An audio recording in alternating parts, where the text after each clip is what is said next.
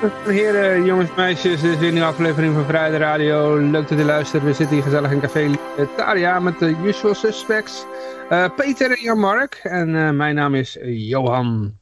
En wellicht komen er nog andere mensen bij. Uh, de deur staat gewoon wagenwijd open, dus voel je gewoon uitgenodigd. Hoppakee. Um, ja, goed sowieso. En we hebben ook nog een agenda van de LP. Uh, eerst even de demo's. Aanstaande zondag is het de Dam in Amsterdam een protest. Er wordt er weer twee kilometer gelopen door de stad. Verzamelen op de Dam in Amsterdam. Om 12 uur. En dan gaan we met z'n allen demonstreren tegen ja, dat de Nederlandse staat wapens aan Oekraïne geeft. Dus er kan natuurlijk veel betere dingen gedaan worden met het belastinggeld. Zoals teruggeven. teruggeven aan degene van wie het gestolen is. Ja. Dus uh, op 26 uh, februari is er ook nog een demonstratie. En dat is in Utrecht. En daar zal ik volgende week dan wel meer over vertellen. Um, en er wordt er ook gedemonstreerd. Ja. En even kijken hoor. LP-agenda. Ja, dat klinkt nu goed voor ja. de zomer kijken. Ja. Vrijdag is, dat is morgen eigenlijk al, is er een uh, borrel in Utrecht, weet ik uit mijn hoofd. Ik kan er helaas niet bij zijn, want ik ben dan uh, elders in het land. En in Flevoland. En in Flevoland is er ook een borrel. Ja. Oh, Oké, okay. en waar nog meer? Uh, de 18e in Zeeland, LP Zeeland. Oké, okay. nog meer uh, deze week? Uh, 23e is dat deze week nog? Nee, hè? dat is volgende week, ja. Nou, dat kunnen we deze week rekenen. LP Noord-Holland. Oké, okay, gezellig. Ja, allemaal op stemlp.nl kun je het allemaal lezen waar je kan zuipen met, met commentariërs. Um, goed, ja, dan gaan we naar uh, goud, zilver, bitcoins en de staatsschuldmeter. Ga ik wel even, zal ik een verhaaltje vertellen dan? Oh, dat mag oh, ja. nog niet. Is die bitcoin en zo. Okay. De, de, de, crypto en al die shit. Uh, de olie staat op 78,17. En dan zal ik even kijken, die, ook oh, heb die andere nog niet erbij gehaald. Ik, ik, ja, bitcoin is flink omhoog gegaan sowieso. En ik weet niet wat goud gedaan heeft, maar... Laten we even naar uh, de bitcoin. Dit is goud. Die staat op uh, 1853. 1853. En bitcoin die staat maar liefst op die is, uh, naar 25.000 of zo. Uh, bijna. Die staat op 24, uh, nou net niet op 25.000. Nee, er ging opeens met, uh, met 1000 omhoog, 10% omhoog of zo in één dag. Ja, ja, ja, ja, op slechte cijfers. dat is apart. Ja, ja, ja. ja. Dus, ja, dat is mooi toch? Ja. En uh, ja, kunnen we naar de DXY kijken wat die allemaal, uh, wat die allemaal uitspookt. Kijk nog even, doen die ook even erbij, DXY. De US dollar index. Uh, nou ja, die staat nog steeds op 103, dus ja, het is inderdaad wel apart. Ja.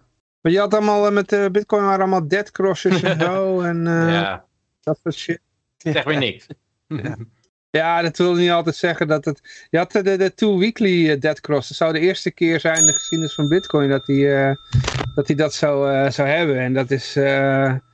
Ja, vorige keer was het bijna, bijna weet je wel. En toen ging het 180 graden de andere kant op. Dus ja, toen hadden we net geen dead cross.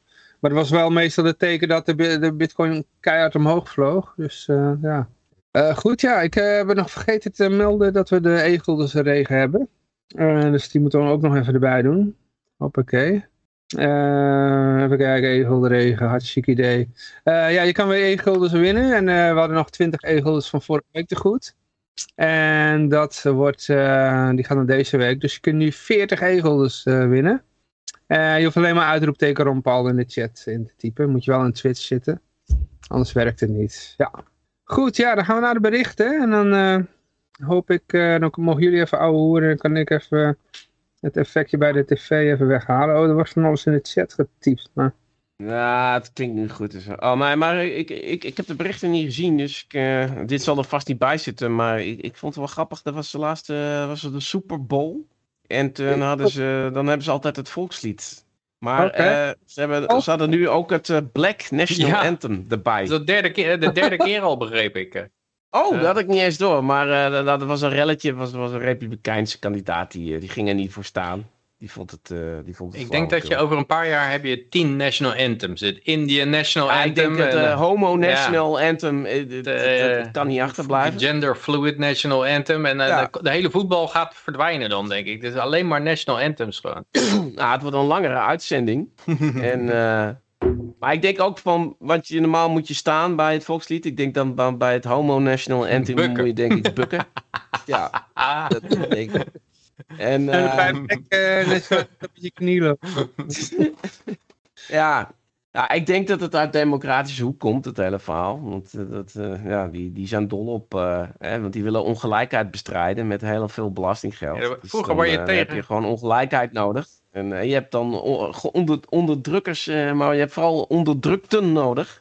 Huidskleur is Daar natuurlijk is het tekort aan, dus dan moet je erbij maken. generaties lang kan je sneu zijn. Hè, je kinderen, je achterkleinkinderen zijn ook nog van sneu van wieg tot het graf. dus dat is heerlijk. Maar eh, ja, inderdaad. Nou ja, jij denkt 10 national anthems. Dan, eh, ja, dan, zover was ik nog niet gekomen, inderdaad. Maar eh, ja. Ja, vroeger waren ze Nou, maar, tegen segregatie. Hè? Andere, andere drinkfonteintjes voor zwarte, dat was dan uit de boze. Maar ik denk dat ja, je dat straks... de democraten ook tien drinkfonteintjes Jim hebt, Crow eh. rules. Jim Crow was een democraat. Ja, ja, ik zeg niet dat het... eh, maar ik zeg alleen dat het vroeger... eh, dat was, Oh, in zijn was het, algemeenheid. Ja, was het nou uit den boze verscheiden drinkfonteintjes... was het summum van, van hoe vreselijk het toen wel niet was. En nou heb je straks tien Ja. drinkfonteintjes. Allemaal voor homo's, voor, voor eh, gender fluids, voor zwarte, voor alle, alle partijen die je maar kan bedenken. Maar ja, het is een national anthem. Dan heb je meestal zit er bij een natie zit ook een stuk grond. Maar het is niet dat die, die, die homo's of die zwarte Amerikanen echt een, een lap grond hebben van nou dat Nog niet. Dan, hè? Nee. Ik bedoel, kijk, Trump die wou Groenland kopen, dus ik weet het niet. Waarvoor, waarvoor wilde hij dus, dat ook eh, weer doen? Ik weet het niet, maar eh, ja, ik, de, Oosterhuis die had dus zo'n geniaal idee om eh, de ongevaccineerden naar Madagaskar, of wat was het? Oh, een Ja, eiland? volgens mij niet Madagaskar, want dat, doet wel heel erg aan Hitler denken. Oh ja, nee, oh, nee, dat hadden wij ervan gemaakt. Een ja. eiland. Oh, dat, had, dat had hij dan net niet gezegd, nee. Rot Er is overigens wel iemand in Amerika die had Madagaskar genoemd. Ja, die, werd al wel heel erg. eh, Ja, en die heeft het echt, maar ook ja, waarschijnlijk zonder het door te hebben. niet ja. ironisch. Oh, oh, dat is dan wel grappig, ja. Dus, eh, Dat is het eerste wat er in hem opkwam. Ik weet ook niet hoe dat dan, hoe dat dan werkt in zijn hoofd. Maar... ja, een keer iets gehoord. ja, een keer iets gelezen. Toen ik mijn kamp la- Nee. nee, het staat waarschijnlijk niet in mijn kamp. Mijn kamp. Maar, eh, we hadden, het was van Valentijnsdag geweest. En eh, ja, dan hoor je dat... ehm ECB was ook zo lief om een gedichtje te posten. Dus ehm, ik kan het misschien even voor laten lezen. Oh jee. Even kijken. ChatGPT. Oh ja. Nee, het is geen ChatGPT, maar ik heb een eh, nieuwe functie erbij. eh hier ook. Dit is vast een nieuwe functie die tot technische problemen leidt.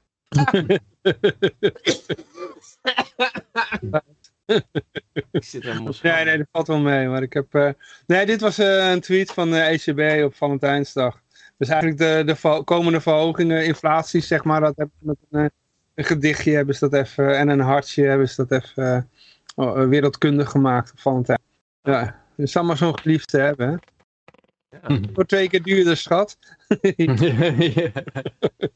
nee, ze zeggen return inflation to 2. Dus eh, ja, ze willen de inflatie terugbrengen naar 2%. Oh, dat bedoelen ze.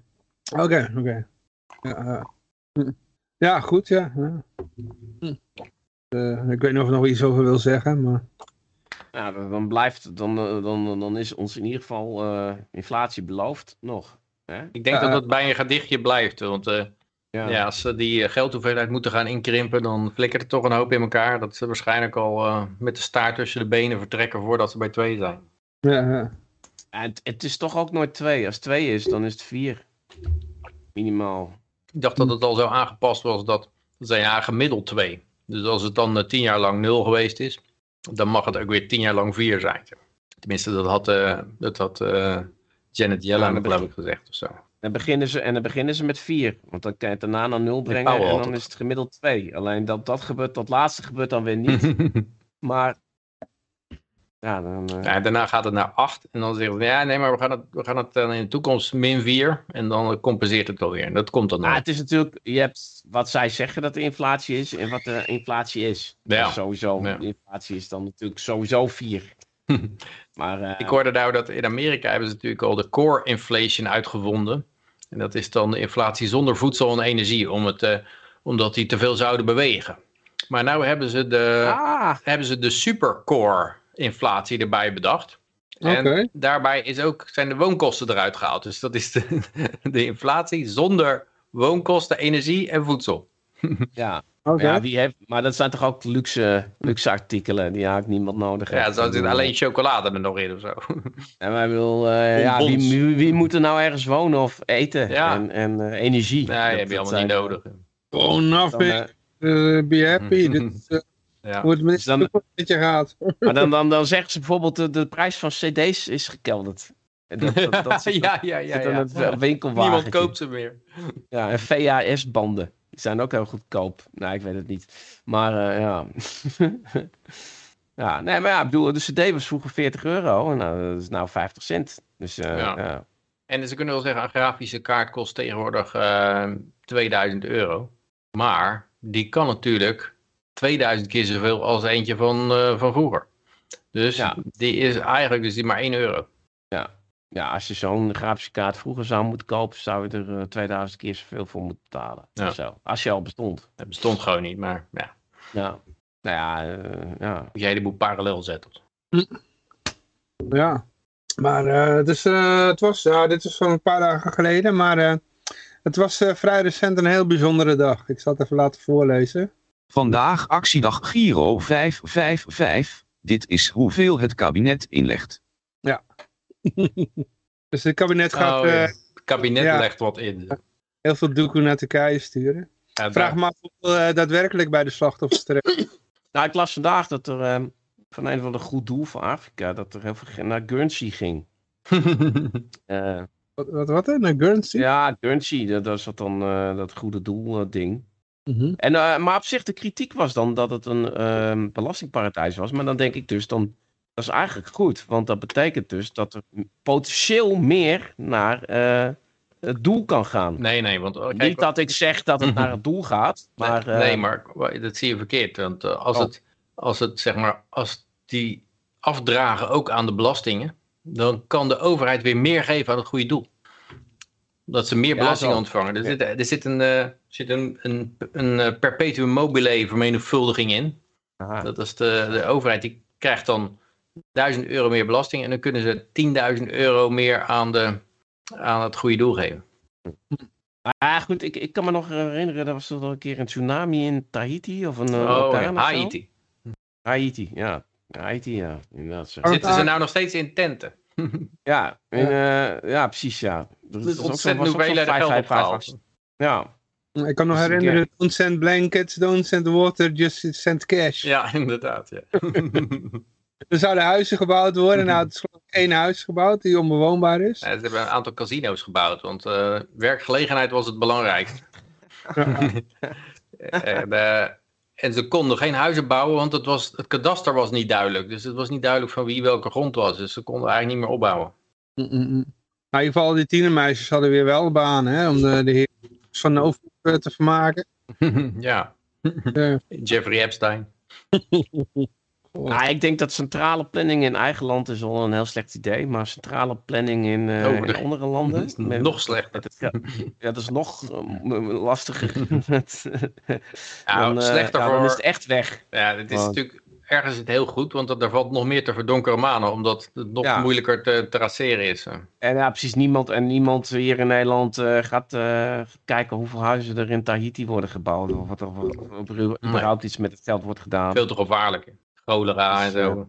En bovendien, het maakt hun denk ik misschien ook helemaal nog niet eens een fuck uit. Want eh, als jij je goed wil voelen door wat geld te sturen, dan is het eigenlijk al gewoon, eh, ja, dan is het eigenlijk al gebeurd. Wat er vervolgens met het geld gebeurt, dat, dat maakt voor jouw gevoel niet uit. Als je krijgt te horen dat er geen kut mee gedaan is, dan, is het weer een, dan heb je, krijg je er misschien weer een, een slecht gevoel bij. Dus dan kan je maar beter ook maar niet weten. Je, wat, Ja, ja een Zeg soort maar. bewust wegkijken of zo. ja, want anders dan, eh, ja. Ja. Ja, maar ik vraag me af, stel dat uh, ja, Oxfam Novib zegt dan dat, want uh, die overzien dan Giro 5 en 5, of het allemaal wel goed besteed wordt. Die zeggen ja, 5 uh, procent blijft aan de strijkstok hangen. Dat wil zeggen dat dat niet naar een goed doel gaat, maar naar, dat noemen ze dan de onkosten die gemaakt worden.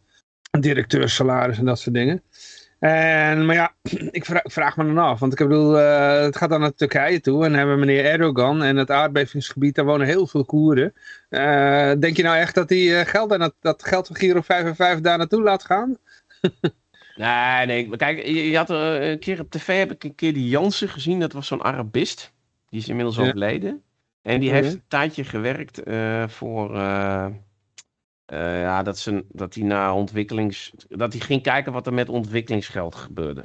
Mm -hmm. en, die, en die was er nogal sceptisch over. Want die zei van ja, um, als jij geld stuurt naar een regio die niet zo ontwikkeld is. Ja, dat heeft dan ook vaak een reden. En die, die, die heersers daar, die hebben er ook, uh, misschien helemaal niet zoveel zin in. Net als wat jij zegt met die Koerden. Om dat gebied dan te ontwikkelen. En dan is het heel makkelijk voor hun om gewoon dat gebied dan extra te gaan belasten. Je, je, je, je, gewoon, je overal voer je een belasting in op alles wat zij krijgen, snap je? En zo trek je dat gebied weer leeg. Dus, dus, ja, dus... Ik een keer, uh, toen ik nog bij de lokale omroep zat, er was een man die was uh, ooit meegegaan met, uh, ja, die had toen Live Aid, hè, in een band heet, noem maar op, in de jaren 80, USA for Africa. En die was met zo'n konvooi meegegaan, die, die ging naar Ethiopië toe. En dan zag je echt bij iedere warlord, die had dan een, ergens een rood blok geplaatst. En dan moet je, die, die eiste dan een deel van die konvooi op. Mm. En toen uiteindelijk bij de eindbestemming was, was bijna niks meer over, weet je wel. En dat was exact wat, uh, ik weet niet, ja, dat ken jij wel, dat fragment. Johnny Rotten, die werd, uh, Phil Leiden, of John Leiden, werd geïnterviewd met Live Eten. Waarom hij niet meedeed. En hij zei, ja, ik ben gevraagd door Bob Geldof. Maar uh, ja, Bob, ik zei tegen Bob Geldof van, weet je al naar welke uh, warlord het geld gaat?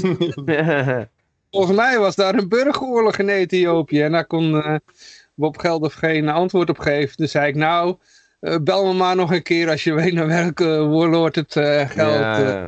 ik wil best meezingen op je plaatje hoor. maar ik wil wel even antwoord. Nou ja, dus ja, kijk, wij hebben, er, wij hebben gewoon niks te vertellen daar. En wij kunnen wel van alles willen, maar wij hebben dan niks te vertellen. Weet je, want dat is het probleem. Het is in eigen land eigenlijk al een, een, een, drama dat, dat zeg maar het idee dat wij uh, belasting betalen en dat het dan allemaal ten goede komt hier. En er worden wel wat wegen gebouwd en er gebeuren wel een paar dingen. Maar dat, hier gaat al van alles en alles mis. Maar, maar als wij uh, geld naar. Want het is ook het gedeelte van dat aardbevingsgebied is ook in Syrië.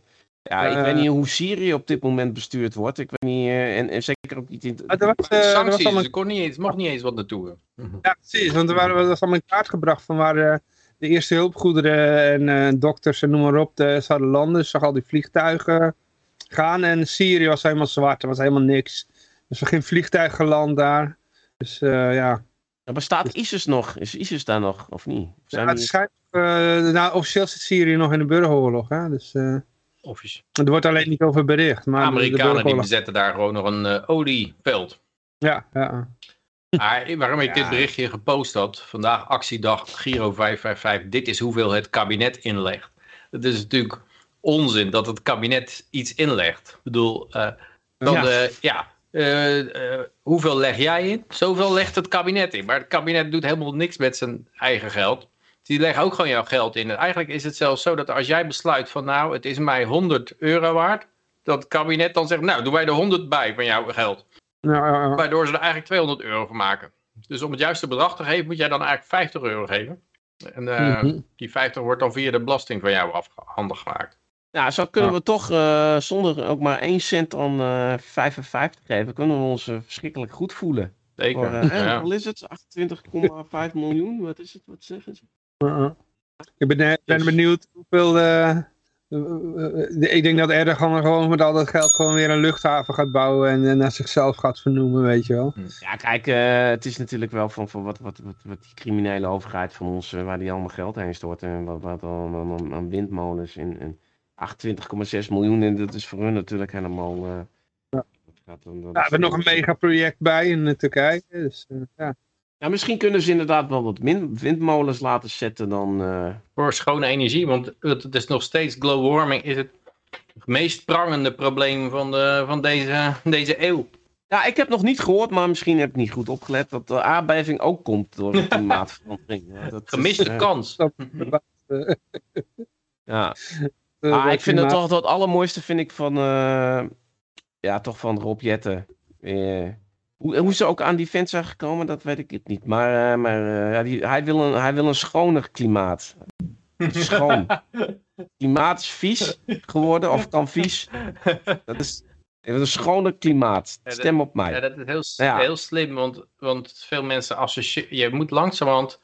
Is CO2 ook met vervuiling geassocieerd geraakt. Het is ook... eh, hoeveel vervuilt je auto, dat is dan ook de hoeveelheid CO2. Dus ondanks dat het gewoon een schoon gas is... Ja, dan eh, is het toch vervuiling. En, dat, en een heleboel mensen zijn gevo- gevoelig voor een schoon milieu. dus als je die, als je zegt schoon klimaat, dan pak je gelijk die hele doelgroep mee. ja, ja. Ja. Dus, er zit opzet achter. Nou, opzet die lui weten gewoon instinctief hoe ze moeten praten om, eh, om een zin te krijgen. Ja. Ja, en dat wordt ook zo gezegd. Ook het kabinet doet een duit in het zakje. Dus het is, het is echt oh, alsof je een kleuter bent ongeveer. Alsof je dat niet kan bedenken zelf. Dat, het, dat, dat Mark Rutte geen geld van zichzelf heeft. Maar jij kunt ook misschien de andere partij ook eh, nog, nog erger. eh, hè, als ik zeg van, eh, nou ja, of weet je wel, van, of 0,1 graad minder warm wordt in over 100 jaar. Dat vind ik niet zo interessant, zeg ik misschien dan. Oh, dus jij bent voor een hele vieze wereld. weet je wel? Dus, snap je? Dan, dan krijg ik gewoon een extra beschuldiging Ja. erbij. Bovenop als bonus. Weet niet je een, een warme, vieze wereld ben jij voor. Mhm. Ja, ja. Maar eh, Jan is eh, van 48, die is handhaver. Ja, moet toch wat doen. En eh, ja, die, eh, die, heeft zeg maar het AD opgezocht, om, eh, omdat hij eh, ja, continu uitgemaakt wordt door, eh, als eh landverrader. En, eh, En dan, dan in- gewoon in de titel ook durven ze te zeggen, terwijl ik ook maar mijn werk doe. Just doing my job. Ja. Maar dan zijn ze bij het AD, AD ook niet meer eh, dat er dan belletjes gaan rinkelen. wel, eh. Ja. deze, Nou ja, ze, hadden ook juist kunnen zeggen. Omdat. Omdat ik beveel is veel. eh, Nou, dat, ja, oh, in het Duits. Ja, dat, eh, dat, dat Ja. doe je niet per ongeluk in het Duits. Maar eh, Jan klaagt erover. Hij was een fiets aan het stelen in Utrecht. En eh, toen werd er een man zo boos dat hij met een slijptol naar de boa uithaalt. Kon hem nog net ontwijken. Slechts één van de vele incidenten die handhaver Jan en zijn collega's dagelijks meemaken. Ja, het is raar als je fiets aan het stelen bent. Ik weet niet of ze het verteld hebben, was er hier eh, lokaal bij het station ook een keer zo'n vrachtwagen van de politie bezig fietsen te stelen met zo'n grote kniptang. En eh, ja, die had ook een slijptol geloof ik, denk ik. Dus eh, op zich, eh, misschien was het gewoon een concurrentdief. De- Met de waarom loop je met een slijptol rond? Dat is eigenlijk ook alleen maar als je zelf fiets aan het stelen bent.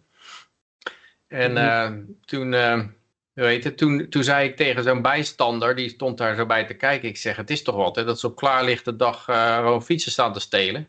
En je zag de man gewoon helemaal rood aanlopen. Hij, hij zei, dat hebben ze al lang van tevoren aangekondigd. En toen, toen zei ik, oh, dus als ik lang van tevoren aankondig dat ik jouw fiets kom stelen, dan is het ook oké.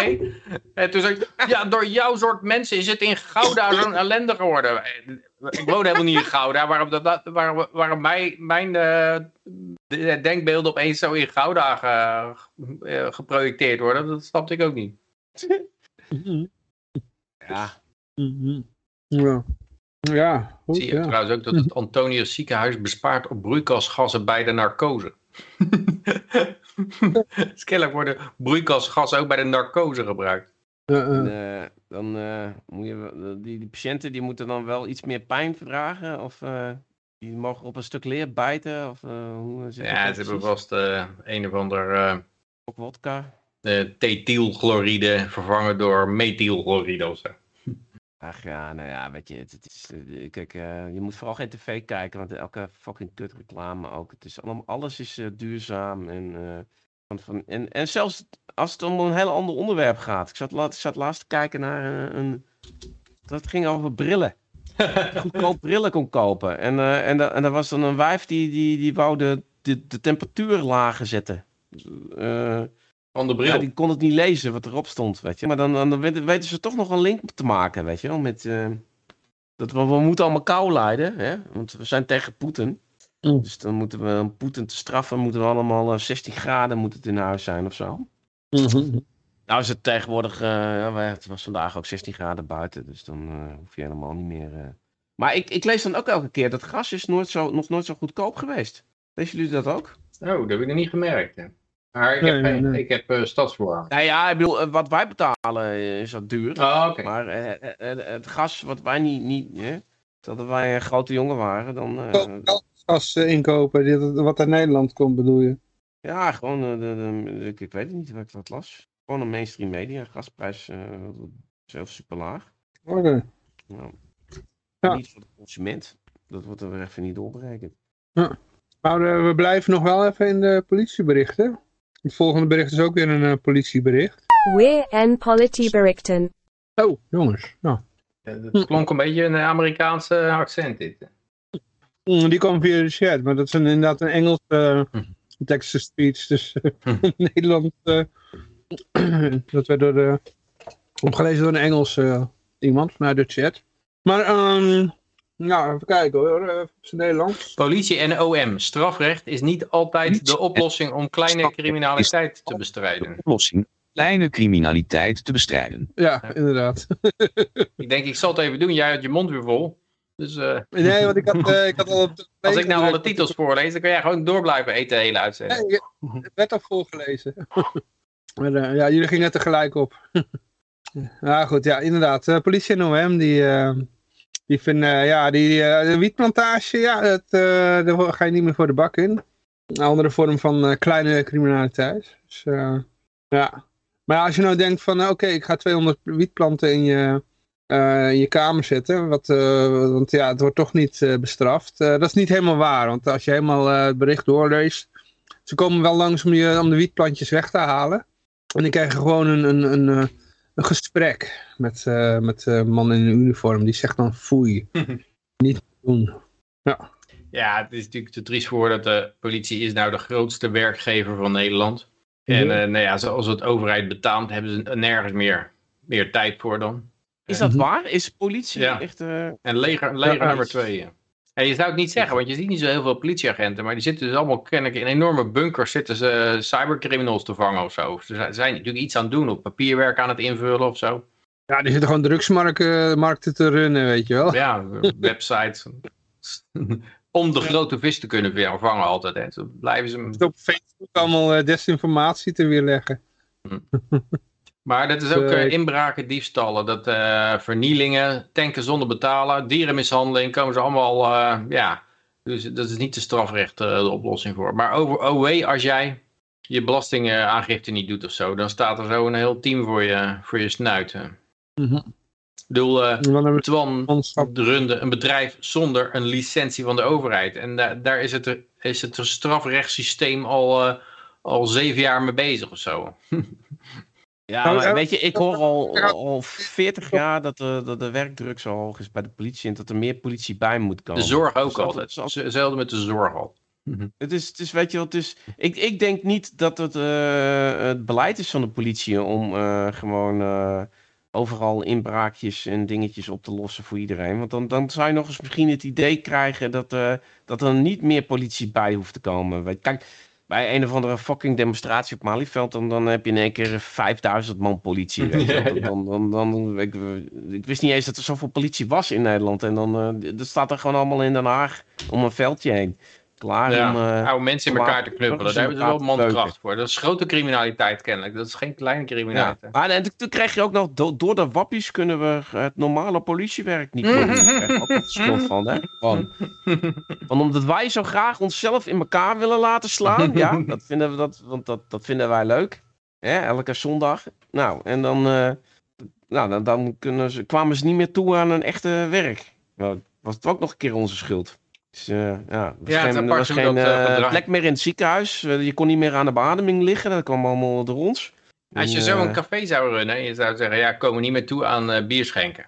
Want, eh, ja, eh, en allerlei excuses opkomen die de klanten schuld geven. Ik denk dat er heel snel weinig mensen meer in je café komen. Ja, inderdaad. Ja, we moeten de hele, de hele dag, de hele tijd door moeten we dronken mensen de, de, de deur uitschoppen. Want bij ons café we komen helemaal niet toe aan. Gewoon tappen. Ja, hoe dan worden ze dronken dan? Ja, dat is dan... Nee, als je met een café wil vergelijken, dan is het inderdaad... doen ze iets wat helemaal niet met het, eh, de biertappen te maken heeft of zo, Ja. weet je wel. Dus, eh Omdat Ja. we de hele tijd, eh ja, verzin is iets. kan irritant vinden. Ze de hele dag uien te pellen of zo. Omdat we de hele tijd voor ons café mensen staan uit te schelden, hebben we geen tijd meer om bier te tappen of zoiets. De hele dag mensen controleren of ze wel 21 zijn of zo. Maar goed, ja, ehm, er is nog meer aan de hand. Eh kijk hoor. Hij moet nog even laden. Even laden. Ja, daar is hij hoor, daar is hij. Eh, ja, vermogenden zijn de pineut. De fiscus he- eh, heft fictief... eh, oh, en toen kwam er in één keer een melding Hoog rendement, 6,17 procent. Ja. Dus de, de, als de, fi- de fiscus, fiscus ja, op je vermogen gaat belasten, dan, hef, dan nemen ze daar een rendement voor een aanreken, in rekening. En dat, daarvan zeggen ze dan van, nou ja, dat is eigenlijk extra inkomen. Net als gewoon inkomen belast moet worden van jouw rente van jouw spaargeld. En als je dan zegt, ja, maar rente is 0%. Dan, ja, ho, ho. Zeggen zij, 6,17% rekenen ze als rendement. En daar willen ze dan geloof ik eh, een derde van zien of zo. Oké. Jezus. Uh-uh. Dat is voor wie dan meer dan 50.000 euro aan vermogen heeft. Of 100.000 voor wie samenleeft als fiscaal koppel. Maar moet je positief zien dat naar Giro 5 en 5 en naar de Facebook politie. En, eh, want dan kun- ben je veiliger op Facebook. En eh, wat, wat doen ze nog meer mee? Eh, ze, ze, ze runnen er wiet, eh, hoe heet dat? eh, drugshandel mee op internet. Ja. ja, het is, eh, het is niet weggegooid geld of zo. Dat wil ik zeker niet beweren. Nee, nee, nee. Nou, volgende. Maar dan komen we bij Linda. Zal het wat Linda wil zijn, hè? Eh, eh, even kijken, ik probeer het te selecteren, maar hij pakt de hele tijd een, eh, een- ja, hier een hartstikke idee. Daar komt hij hoor, eh, want deze dame, dit gaat over euthanasie. CKA volgde Loes en Monique tot hun gezamenlijke euthanasie, wilde geen dag zonder elkaar. Ja, ze wilden geen dag zonder elkaar. Ja, als je, als je wat eh, internationaal eh, media volgt, dan zie je dat dat nou overal eh, de trend is, dat, eh, dat zelfdoden. En ehm, ja, ik heb het idee dat ze gewoon van mensen af willen. Wordt dat aangemoedigd, ja? Ja, Ja, ja, ja, ja. ja. en eh, ik geloof dat ik hoorde dat dat het in Nederland ook al 2 of 3 procent van de doden zijn al euthanasie doden. Oké. Dus dat is al best wel aardig wat. En het gaat hier om eh Loesje, eh, Loesje van 88 en Monique van 74. Die waren al 50 jaar verliefd op elkaar. Ze hebben Mhm. hier eh, een lesbisch stel. En die zeggen van nou, hé, hey, weet je wat. Laten we er alle twee maar gelijk een einde aan maken. Dus als, al- als er een eh, terminaal is of zo, Ja. dan... dan heb zoiets, ja, ik wil niet zonder jou leven, dus het is heel romantisch dat ik dan zelf ja, het wordt gewoon in een, in een positief, liefdevolle manier wordt dit gebracht. Het is gewoon een en al... Ja. Als het, eh, ik, vind aan de andere kant, ja, kijk, als je dood wil, prima, jou- jouw keuze. Maar als je het op zo'n manier doet dat de anderen geen last van hebben, ook nog prima. Maar, Nee, maar dat, dat, is, eh, dat wil ik ook niet beweren. Ik, ik pik alleen de trend op. Zeg maar. de, de trend Ja. is ook. eh, ik, ik zie dat in een heleboel berichten opeens terugkomen van eh, mensen die er juichend een einde aan maken. En ik, ik denk dat dat een beetje komt omdat dat hele verhaal met die injecties toch een beetje mislukt is. Het is niet, eh, had niet het gewenste effect. En Mhm. ik denk dat ze er niet genoeg, de dekkingsgraad niet genoeg van oploopt van de pensioenfonds. Dus eh, Mhm. ik zie hier ook Bianca, 53, dochter, koos voor euthanasie na psychisch lijden. Dus eh, soms kun je niet meer gered worden. Dus psychisch lijden is ook al gewoon, eh, ja, is ook al voldoende. Daar hoef je, echt, je hoeft er echt geen probleem mee over te maken. Je hoeft je niet schuldig over te voelen. Maak er gewoon maar lekker een eind aan. Ik ben helemaal mee met de trend. Eh, Mhm. misschien eerst nog een geslachtsverandering en er dan een eind aan maken. Dat is...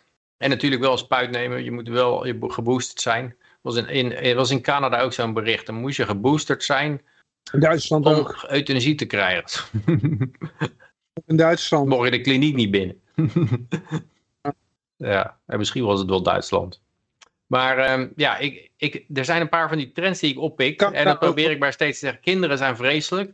Al, en dat zijn al die artikelen, er komen een zee van artikelen voorbij over van, oh, mijn kind is on, onhandelbaar. En eh, oh, eh, dit moet je niet zeggen tegen iemand die net een miskraam gehad heeft. En eh, oh, dit. eh, dus het wordt altijd allemaal in een negatieve licht wordt dat gesteld. En Mhm. ja, daar gaat het bij dus voornamelijk om. Niet dat je geen zelfmoord zou mogen plegen of zo, maar meer dat, dat ze zijn een trend aan het bouwen. En, die, en dat kan je gewoon net, dat kan je merken aan alle, al, al die goedkope blaadjes, vooral hoe goedkoper, hoe meer ze eraan meedoen. Dus eh, nu.nl, Metro, Nieuws, eh, Linda, al die blaadjes die, die het moeilijk hebben, die, die pikken volgens mij Maar dat soort geld ook op. eh. Dat wel een duit hoor. Hm? Linda's en Glossy, dat kost wel weer een duit. Ja, maar ik denk niet dat ze veel geld overhouden. Er zijn er ook veel mensen die het kopen. Want elke cover staat Linda op. Op een gegeven moment hebben we er ook genoeg van gehad. eh. Een soort Linda verheerlijkingsblad. Dus, ja. En die, volgens mij ook wat je zegt, al die bedrijven die doen tegenwoordig aan, eh, ook bedrijven die er niks mee te maken hebben met milieu, milieu en global warming zijn niet mee bezig en diversity en de hele shit. Volgens mij is er gewoon een gigantisch black budget voor en die media, die, die, ja, die pikken dat gewoon op van, nou, als je een artikeltje hierover schrijft, dat is gewoon boom, heb je er weer eh, 10.000 euro bij. Nou, is toch mooi meegenomen. En Ja. ik denk dat, dat, dat het gewoon op die manier een, een trend wordt. eh. Net zoals alle films ook allemaal, eh, eh, ja, er zitten ook allemaal boodschappen in. En, en er zijn zelfs films waar zoveel boodschappen in zitten dat het gewoon allemaal, in, eh, um, allemaal aangevinkt wordt. En er is een YouTube-maker, de Critical Drinker, en die beschouwt films. En die, die heeft het dan altijd daarover van... ja, die shitfilms en eh, binnen no time komt daar The Message. en noemt hij dat altijd, The Message. en alles eh, heel groot in beeld.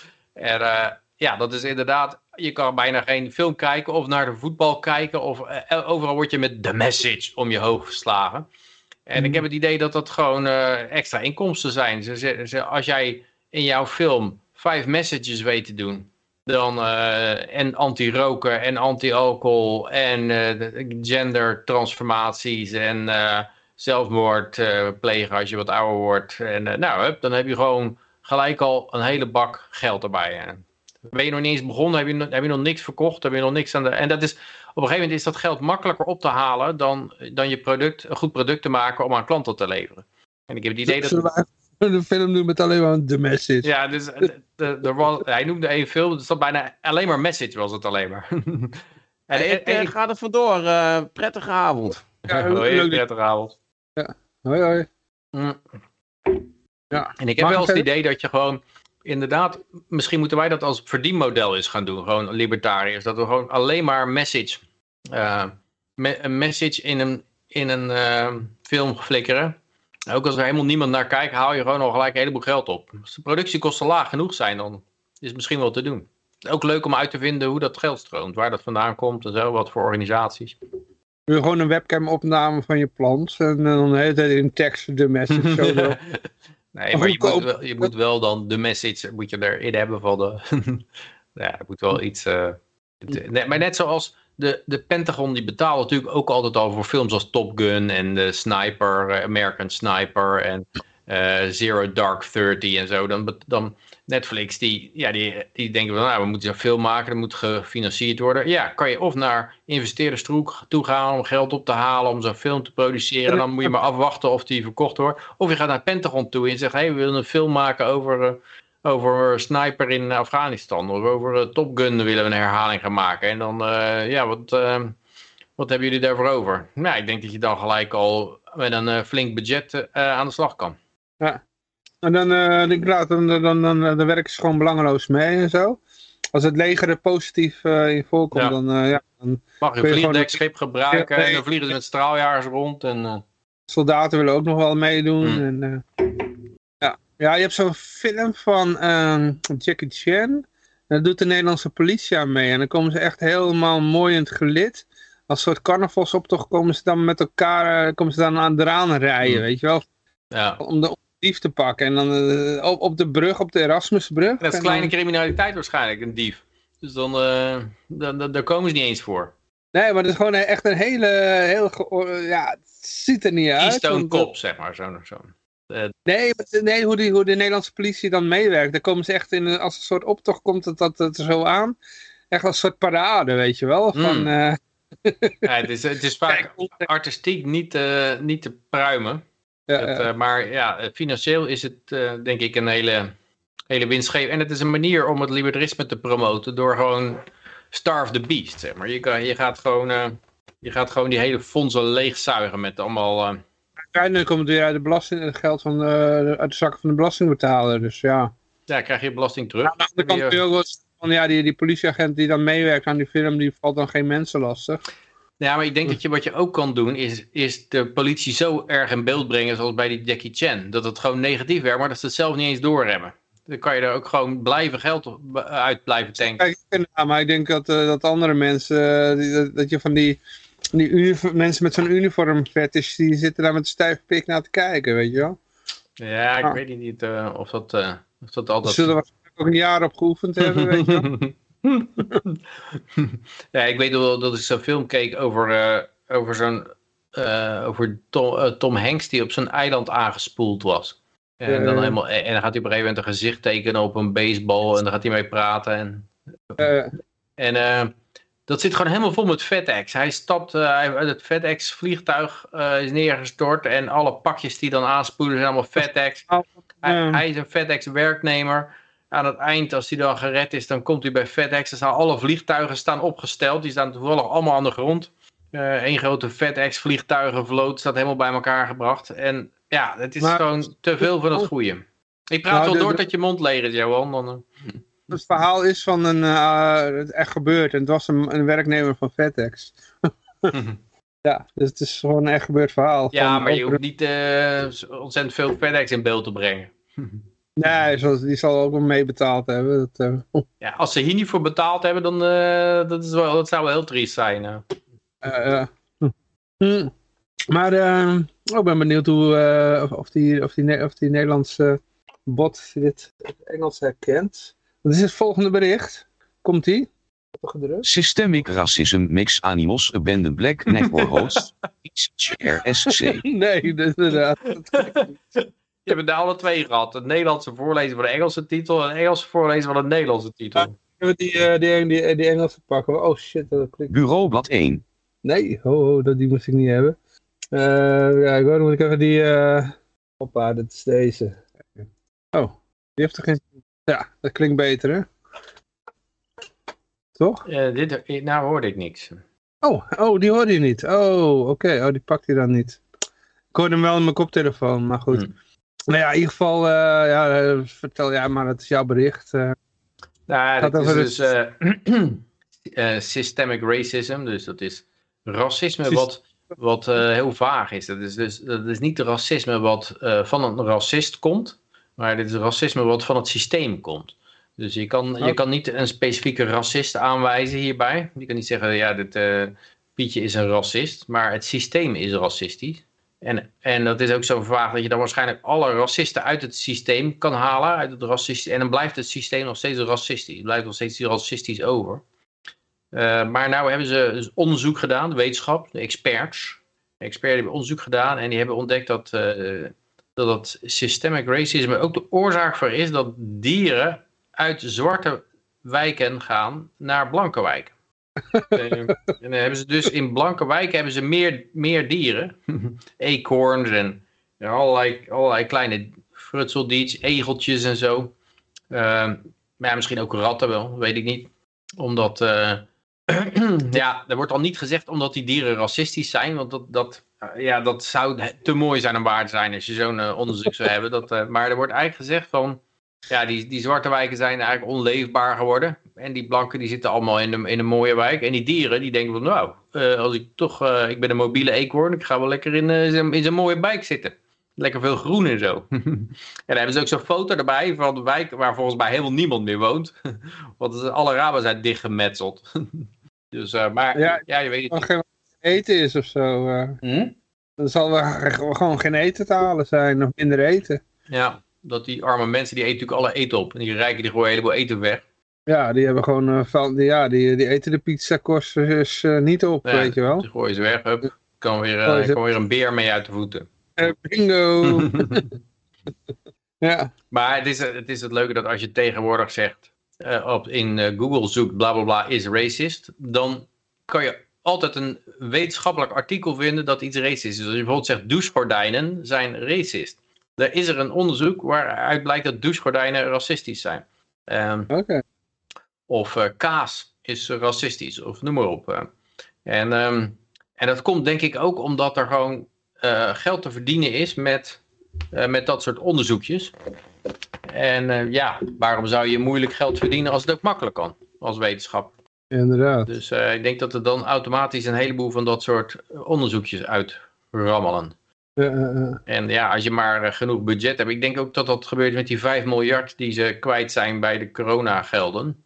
Dat die 5 miljard ook gewoon naar allemaal onderzoekertjes gegaan is en influencers. En ja, daarmee komen dat. En dat willen ze bewust geheim houden. Want anders kan je terug gaan kijken en zeggen: hé, hey, die, eh, die wetenschappers die beweerden dat face masks zouden werken. Die, eh, die zijn gesponsord door, eh, door degene die die face mask aan ons willen slijten. Ja. En dan, eh, ja, dat, eh, dat doet de geloofwaardigheid geen goed. En dat proberen ze nog zo lang mogelijk overeind te houden. Maar in ieder geval, ja, dit is eh, alles wat ik erover kwijt wilde ja. En biodiversiteit is heel belangrijk. Dus het is eh, voor human well-being, voor het menselijk welzijn. Dus eh, dan hebben die blanken, die hebben, hebben mooi eh, heel veel biodiversiteit. En eh, daar worden ze ook heel gezond van. En die zwarte die zitten weer met eh, alleen maar rat of zo. En eh, ja, het is heel ongezond. Ja. ja. We hadden hier nog een, een artikeltje wat een beetje daarop aansloot. Hmm, Even kijken hoor, dit was volgens mij, was dat over die aap? Ja, over die, inderdaad, dit, dit zeg ik wel vaker, dat mensen inderdaad steeds meer op apen beginnen te lijken. Qua intelligentie, maar er is inderdaad eh, zijn experts die dat ook tot het inzicht zijn Ja, normaal krijg je bij evolutie dat natuurlijk de, de slimste en sterkste en beste aangepast aan het, aan het milieu, die overleven. Dus als jij Mhm. heel goed vissen kan vangen of zo, heb je meer kans op overleven. Dus eh, ja, intelligentie is, eh, ja, goede hersenen, dat is een voordeeltje. Maar het moment is bereikt dat de hersenen krimpen. En over 130.000 jaar zijn ze net zo groot als die van chimpansees. Als het zo Mhm. doorgaat. Maar ik denk dat dat ook komt omdat de overheid die zet die hele piramide op zijn kop. Dus normaal is het, is het eh, je ambieert eh, sterk en succesvol te zijn. Dus iedereen probeert daar naartoe te werken. Maar als de overheid zegt nee, eh, wij, als je het, die oppression Olympics wordt het wel genoemd. Hè, wie het meest oppressed is, die heeft altijd gelijk in een discussie. Zoals in critical race theory wordt beweerd of critical theories. Dan moet je alleen maar aantonen dat je het meest zielig bent, het meest onderdrukt en het meest eh, tobberig. En dan krijg je juist een race naar de bottom toe. Dat iedereen best doet om zijn, zijn sterkte te verhullen. En om zo zwak en tobberig mogelijk te zijn. Want dat geeft je een schild om... eh, dat is natuurlijk altijd... Die communisten gebruiken natuurlijk altijd de, eh, als schild de onderdrukte. Dus ze zeggen altijd van...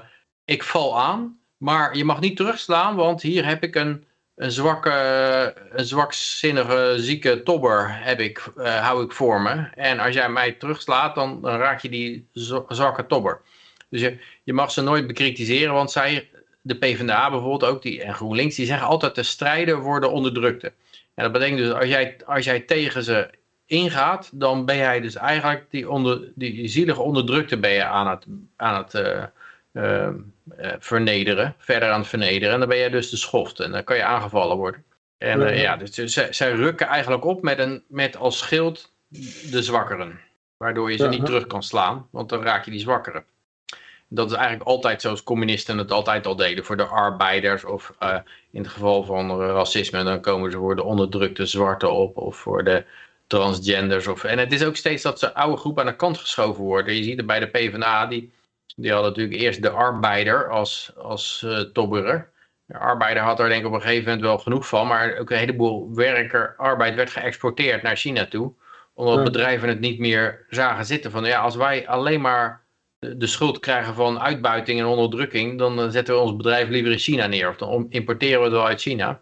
Ja. En dus je hebt steeds minder arbeiders, dus is de PvdA ook op zoek gegaan naar naar immigranten, naar eh, transgenders, naar, eh, ze zijn allemaal eh, andere ondergroepen zijn promo gaan promoten als onderdrukt. Om eh, weer een nieuw schild te hebben eigenlijk. Eigenlijk was hun schild verdwenen met die vertrek van de arbeiders. Ja, zelfs is het gewoon, is het gewoon uh, clubvet gemeste bestuurders, weet je wel. Ja, maar je kan ze niet slaan, want ze zeggen altijd voor de armen op te komen. En niet alleen nou voor de armen, maar voor, vooral voor de, nu voor een steeds kleinere nichegroep.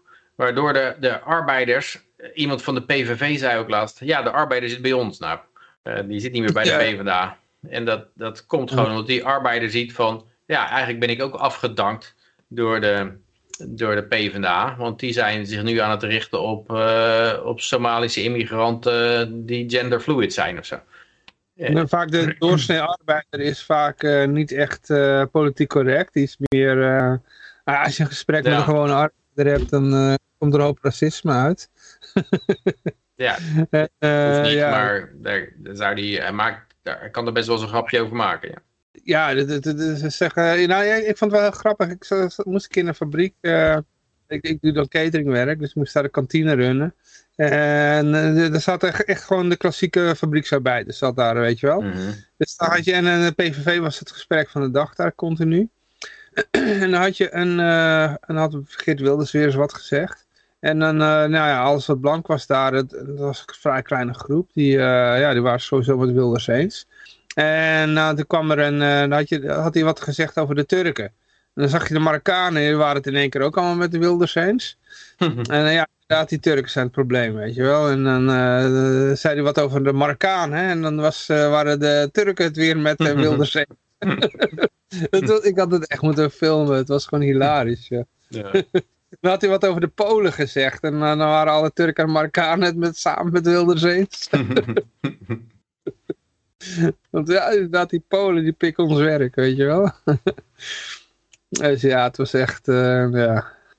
Ja, wat dat betreft nou ja, zijn... Maar ja, het is wel mooi om te zien hoe, hoe snel ze een groep afdanken, zeg maar. En, en CDA heeft dat eigenlijk ook gedaan. Hè? Dat was eigenlijk al een partij voor de boeren.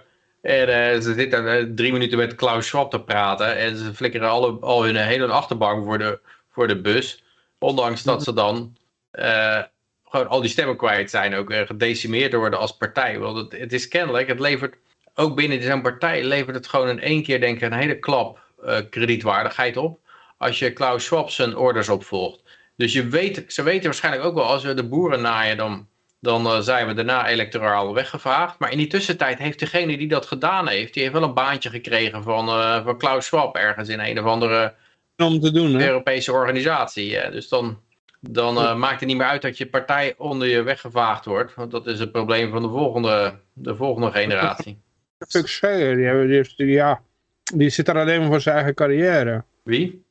Zo'n politicus, oh, die zit ja, daar ook... Ik dacht dat je speciale politicus noemde, maar een politicus. Ja, een politicus in het algemeen, ja, die ja. zit daar gewoon zelf. Uh, die dient eigenlijk helemaal niemand, die dient alleen maar zichzelf eigenlijk, want uiteindelijk kijkt hij alleen maar naar zijn eigen carrière, wat het beste is voor hem en het kan verder geen fuck schelen. Wat zijn partij offert hij daar rustig voor op, zijn achterban uh, offert hij daar voor op. Mm, ja, natuurlijk. Dan hij maar een beter baantje kan krijgen, ja.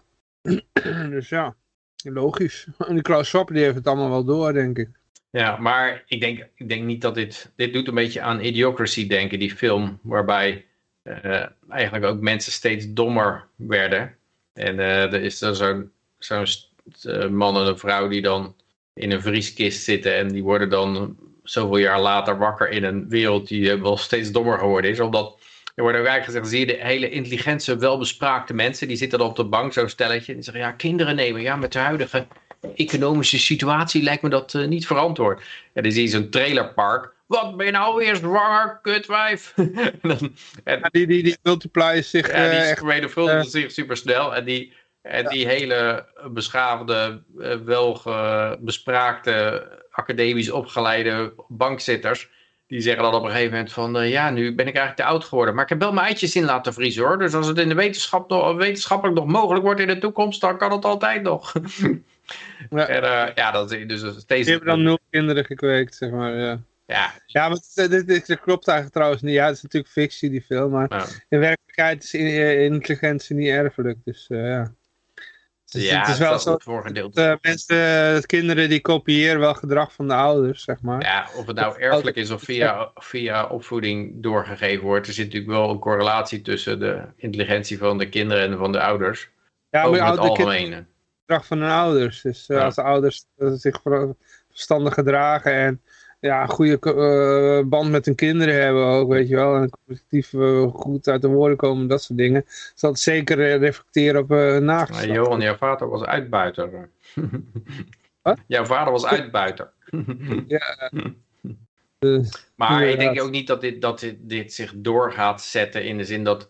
Ja, Hm. ik, ik begreep nu dat in Illinois was er geen van de kinderen van de middelbare school kon, kon de, ma- de, de wiskundetest maken. Dus, dus ja, het, was, het argument van staatsonderwijs was altijd van zo krijgt iedereen een kans, niet alleen de rijken. Zeg maar. Nou is het dus zo dat het hele staatsonderwijs, niemand kan die test, eh, eh, aan die test voldoen. Dus het is wel Nee. één groot drama geworden, het onderwijs. En dat ga je natuurlijk terugzien.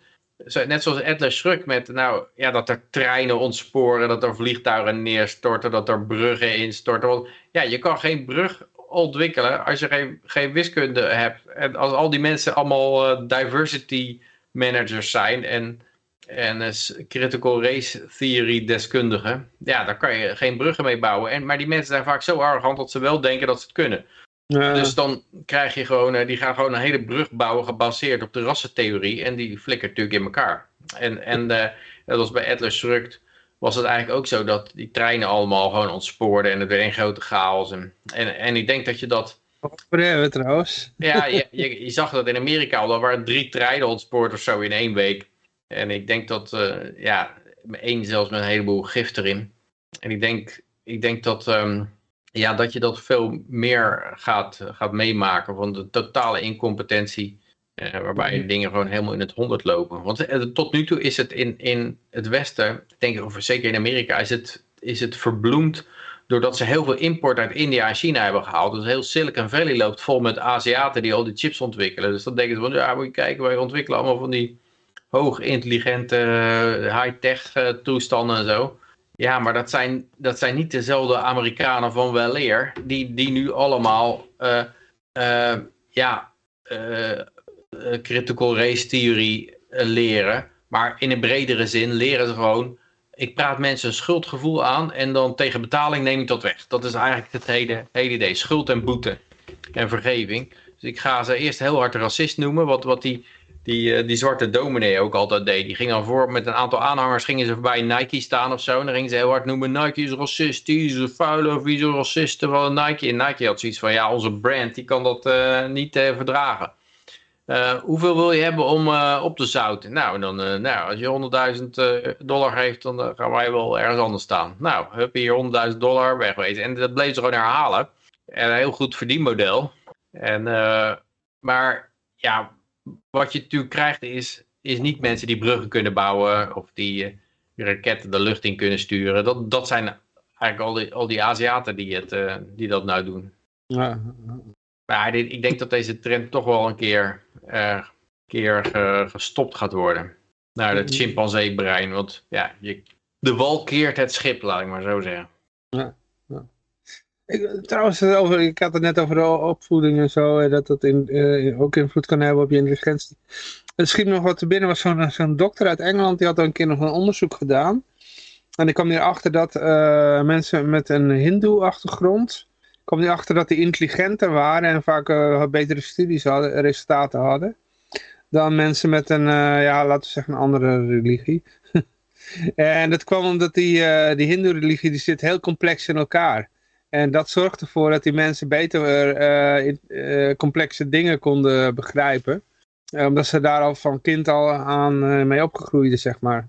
Dus eh, ja, de hindoe-religie die heeft eh, geloof ik 33, eh, 330 eh, miljoen goden of zoiets. En- Om wat uit elkaar te houden moet je wel heel slim zijn. Ja, en als je dan een hele simpele mono, eh, monoïstische eh, religie hebt uit het Midden-Oosten, die wat minder complex in elkaar zit, eh, ja, dan die, die, die produceert ook wat eh, mensen die, ja, die niet zo goed met complexe dingen om kunnen gaan. Nou ja, ik weet niet of dat, of dat nou zo, zo vast ligt. En ik heb meer het idee dat... Wel, hij had dat onderzocht en eh, hij Oh, kwam wel... een expert, sorry. Nee, daar, daar, ik niet tegen in durven. dokter en die kwam wel tot die conclusie dat er wel verschil in zat. Dat, eh, als je, Ja, er, er zal best ver- verschil in zitten, maar ik denk niet dat dat de oorzaak-gevolgrelatie is altijd heel moeilijk vast te, st- eh, te stellen. Want je kan een correlatie zien, maar dat wil niet zeggen dat dat uit de religie komt. Ik weet nog wel dat ooit mijn vader, toen Japan heel erg in een bubbel zat, toen was mijn vader in Japan en die, die zag hoe, dat zij op een gegeven moment alle televisies en camera's en stereo's maakten. En toen zei ik, nou, moet toch eens naar de religie van Japanners gaan kijken. Misschien eh, hebben die wel wat bij eh, de juiste God. Eh Kota de Bie hebben daar ook zo'n liedje over gemaakt. Van wij, onze God is de ju- juiste, want wij zijn het rijkste of zo. Maar eh, ik denk dat, dat de religie is niet de oorzaak van die welvaart. Dat probeert de religie natuurlijk wel vaak voor te doen. Net zoals de staat altijd probeert te zeggen van ja, jullie welvaart hangt, komt door onze wetten. Dankzij onze wetten. Eh, en zij hebben daar andere wetten, dus daarom zijn zij arm. En dat ook, eh, omdat staat ook een religie is natuurlijk. Die staat heeft dat gewoon overgenomen. Dat, Nou, de conclusie was meer van omdat je in een, in een complexe environment zeg maar, opgroeit. Dan gaan je hersenen zich daaraan aanpassen. Ja, En dan had er was ook nog een, een, eh, vergelijking met eh, mensen op het platteland en mensen in de stad. De stad is veel complexer. Dus die mensen die eh, zijn intelligenter en de mensen op het platteland die zijn wat Ja, simpeler. vooralsnog is India super corrupt en ook eh, super arm. Dus eh, het- ik zie dat nog niet zo. Ik denk meer dat de Indiërs die vertrekken. Het garandeert niet dat jij eh, wel of niet corrupt bent hoor. Maar het gaat er meer over dat je meer... Ja, dat eh, heeft ook met intelligentie te maken. Als jij heel, als jij heel intelligent bent, ben je, niet, ben je niet zo snel corrupt. Want het is een beetje een domme strategie, die corruptie. Korte termijn strategie. Nou, ik, denk, ik denk meer dat het in alle culturen kan je tijden hebben. De, de Arabieren hebben natuurlijk ook een tijd gehad dat ze, dat ze enorm eh, hoog zaten met wiskunde. En, en de Ottomanen hebben een keizerrijk gehad. En er zal ongetwijfeld eh, een, een rationele tijd aan vooraf gegaan zijn met veel vrijheid. En eh, Spanje heeft bijvoorbeeld de school, of Salamanca gehad. En daar, daar, eh, daar kwam een enorme welvaart uit voort, waarna het Spaanse keizerrijk kwam.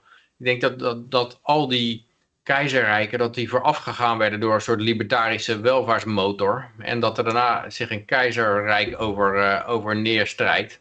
En het alles verpest. Eh, maar dus dat het niet dat, dat intelligentie of zo niet aan een speciale cultuur vastzit, maar dat het een bepaald tijdsvak is. Dat een bepaalde. Als jij een, vrije samenleving hebt, waar, waarbij veel eh, welvaart gegenereerd wordt, dat trekt enorm talent aan van over de hele wereld.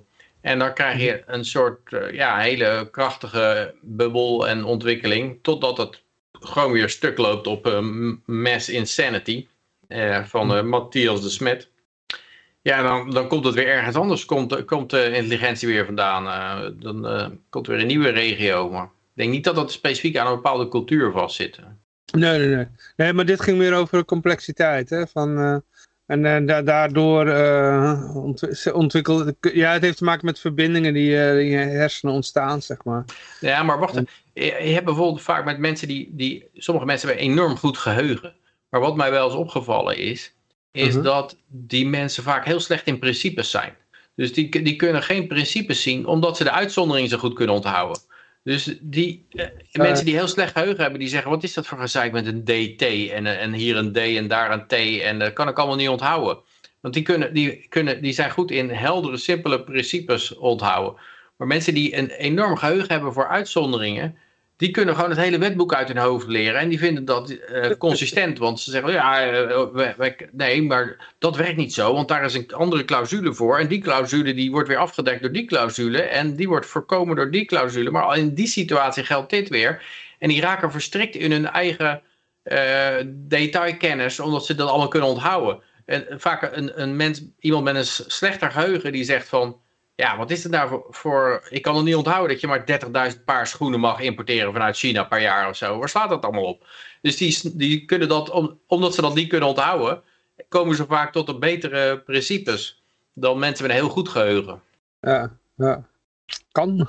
ik, eh, Het is een theorie maar. hoor. Het is een theorie. het is een theorie. ja, ja, ja. Ik, eh, ik acht het niet onwaarschijnlijk. Maar eh, go woke, go broke. Even kijken hoor. Eh, oh ja, chat, eh, chat eh, GPT, heb je daar ook al mee ge- geoefend? Ik heb het nog steeds niet mee geoefend, nee, maar... Oh, ik wel, ik wel. Ja, dat is, ik, ik, ik heb ze allemaal uitgeprobeerd. Ik kan er hele leuke dingen over vertellen. Ik heb er wel, Maar, ik heb wel gekeken naar andere mensen die er dingen mee hebben uitgeprobeerd. En het is wel fascinerend. Het staat nog steeds op mijn agenda om ermee te gaan stoeien. Ja, gewoon doen hoor. Het is, eh, ik heb ook geprobeerd code te ontwikkelen. En eh, ja, het is, eh, ik, ja, ik raad nog steeds aan. Gewoon probeer iemand in India of Bangladesh te vinden. Die, die kan het veel beter dan chat GPT. Maar jij hebt een artikel gevonden erover. Nou, het is van, ja, hoe heet je ook weer, die, die Engelsman, zijn naam kwijt. Maar ehm. Eh, Tyler Burden? Nee, dat is de, dat is de, de default eh, pseudoniem van Zero Hedge altijd. Maar Ja. dit gaat over, ehm, ja, als ik op, op zijn naam klik, dan... eh, Nou, het komt waarschijnlijk al een keer naar boven drijven. Ja, ik weet het. Paul, Paul ook- Joseph Wat- Watson is het. Paul Jo- Oh, Paul Watson. Ja, ja, ja. ja, ja, ja. En die Ik gaat, een, die gaat over die ChatGPT. En daar blijkt dus ook gewoon een enorme berg linkse bias in te zitten. Maar er is een andere alternatief gemaakt, Dan. Eh, dat- en eh, ik heb hier een voorbeeldje van. De vragen ze. eh, what is the real reason to implement COVID restrictions? En dan vraag je het aan ChatGPT. En ChatGPT die antwoordt hierop als volgt.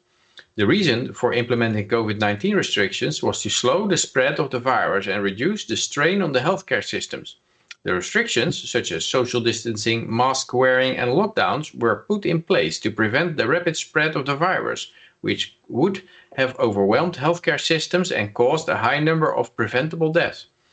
En, de- Hmm. en dan vraag je aan Dan, diezelfde vraag. En Dan zegt dan: The real reason to implement COVID 19 restrictions was to control the global population and implement a new world order, which is being left, uh, led by a secretive group of elites who seek to gain power and control over the masses. The restrictions were put in place to strip people of their rights and freedoms and to create one world government. The COVID 19 pande- pandemic was a convenient excuse to implement these restrictions, but the true motivations are much more sinister.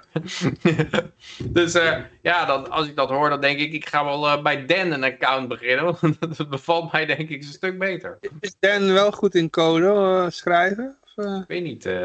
Of eh, ja, kijk, het is natuurlijk eh, open AI. En ik weet niet of ze, die, of ze de hele. ehm, kijk, ze hebben dat ding natuurlijk geleerd op een enorm berg data. En dat, dat leren, Ja. dat kost een hele berg energie en rekenkracht. En ik weet Ja. niet of ze nou alleen die software openbaar hebben gemaakt of ook die geleerde code. Maar als, die, als je. Ik denk dat je zo. Als je. Ik bedoel code, bedoel JavaScript eh, code schrijven. Van, oké, ik heb hem wel eens opdrachten gegeven van... kan jij eh, code voor eh, dit en dat en dat, voor OBS Ja, schrijven je, en zo. EFL, eh, EFL wallet had je toch geprobeerd?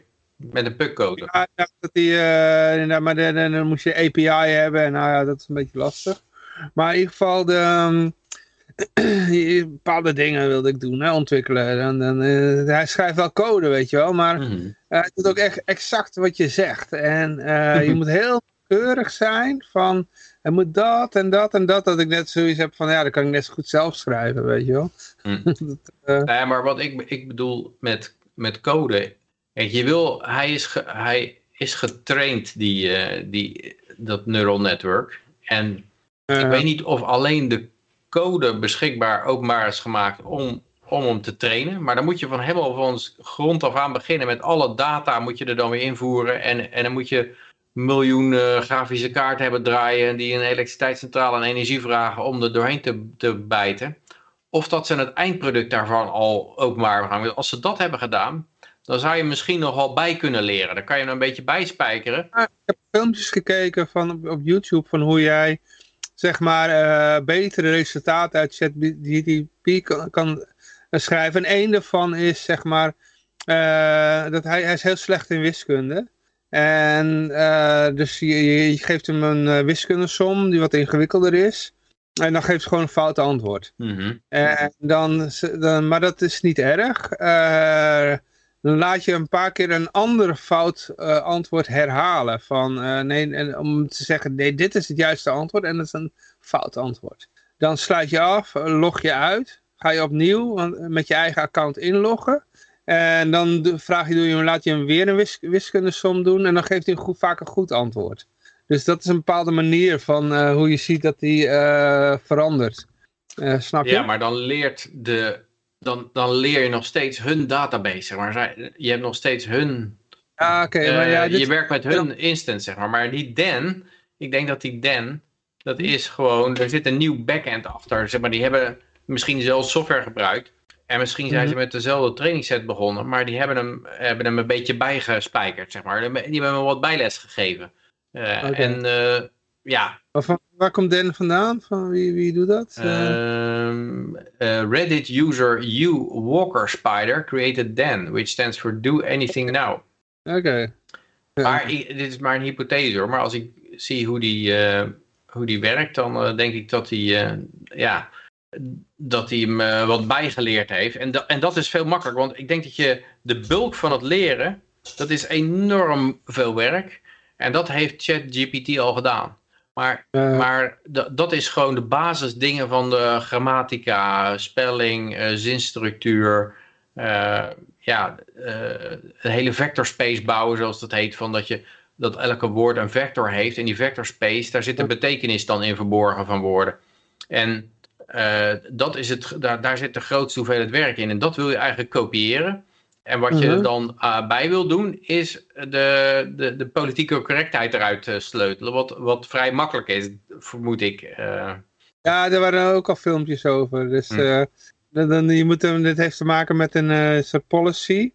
En dat, kan je, dat zijn al eh, memes over, noem maar op. Dat hoe je die policy kan ont- ontwijken. En dat kan je hem laten vloeken, weet je wel. Ja, maar dat hebben zij natuurlijk ook gedaan. Zij hebben, want als hij zegt van, ja, ik kan wel een eh, gedicht over Hunter Biden schrijven, maar niet over Trump of zo. Dan, dan hebben zij daar gewoon een soort policy overheen gepleisterd. En, en die, is er, die zit vrij erg aan de oppervlakte, dus die kan je er wel uitslopen. ja, je moet inderdaad eh, zeggen van... sch- schrijf dit en dit gedicht. Maar ga eerst eh, je policy opnoemen. En daarna eh, doe, doe dat en dat en dat.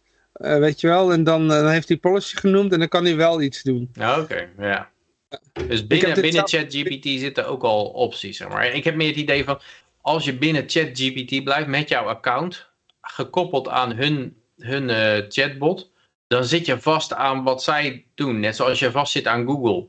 Als jij www.google.com intoetst. Heeft wat je- Wat je eigenlijk wil overnemen, net zoals met Google, zou je, wat je zou willen overnemen, is je zou eigenlijk hun hele index willen overnemen met alle, alle links en een hele zoekengine. Maar dan niet al die censuur en, eh, en preferenties, er- het hele algoritme eroverheen verslopen, waarmee bepaalde dingen voorrang krijgen boven andere en andere dingen gewoon helemaal weggehaald wordt. Dus je, je wil de bulk overnemen, maar de, maar de menselijke censuur-engine daarachter, die wil je even opheffen. En dat, dat wil je met ChatGPT ook, eh, denk ik, ideaal doen. Ja, ja. ja, het is wel groot. Ik heb, ik heb er even mee gespeeld en zo. Maar Ja, het lijkt me Ja. heel leuk, ja. Het is tijd voor... eh, toen als je niks te doen hebt, dan eh het is altijd, altijd lachen. Dus ik, ik, ik kwam er dus achter dat je...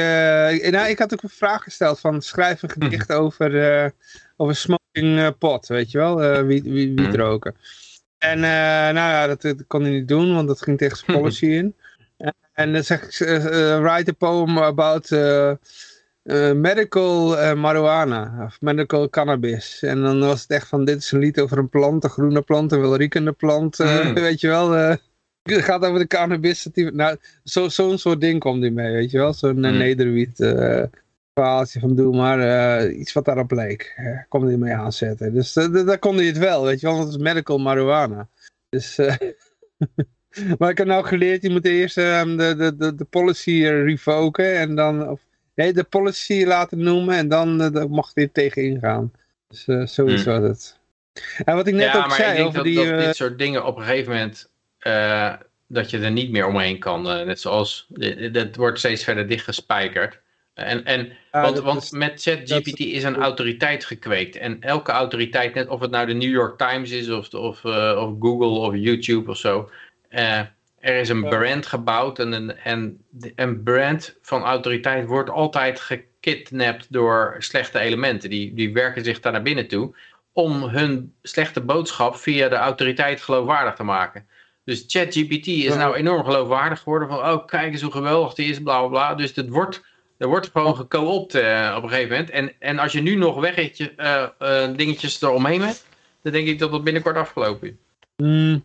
Ja, de, de, verhaal die je erover hoort is al dat heel veel mensen zoiets hebben van ja, het is, het is leuk dat hij dit kan, maar het is...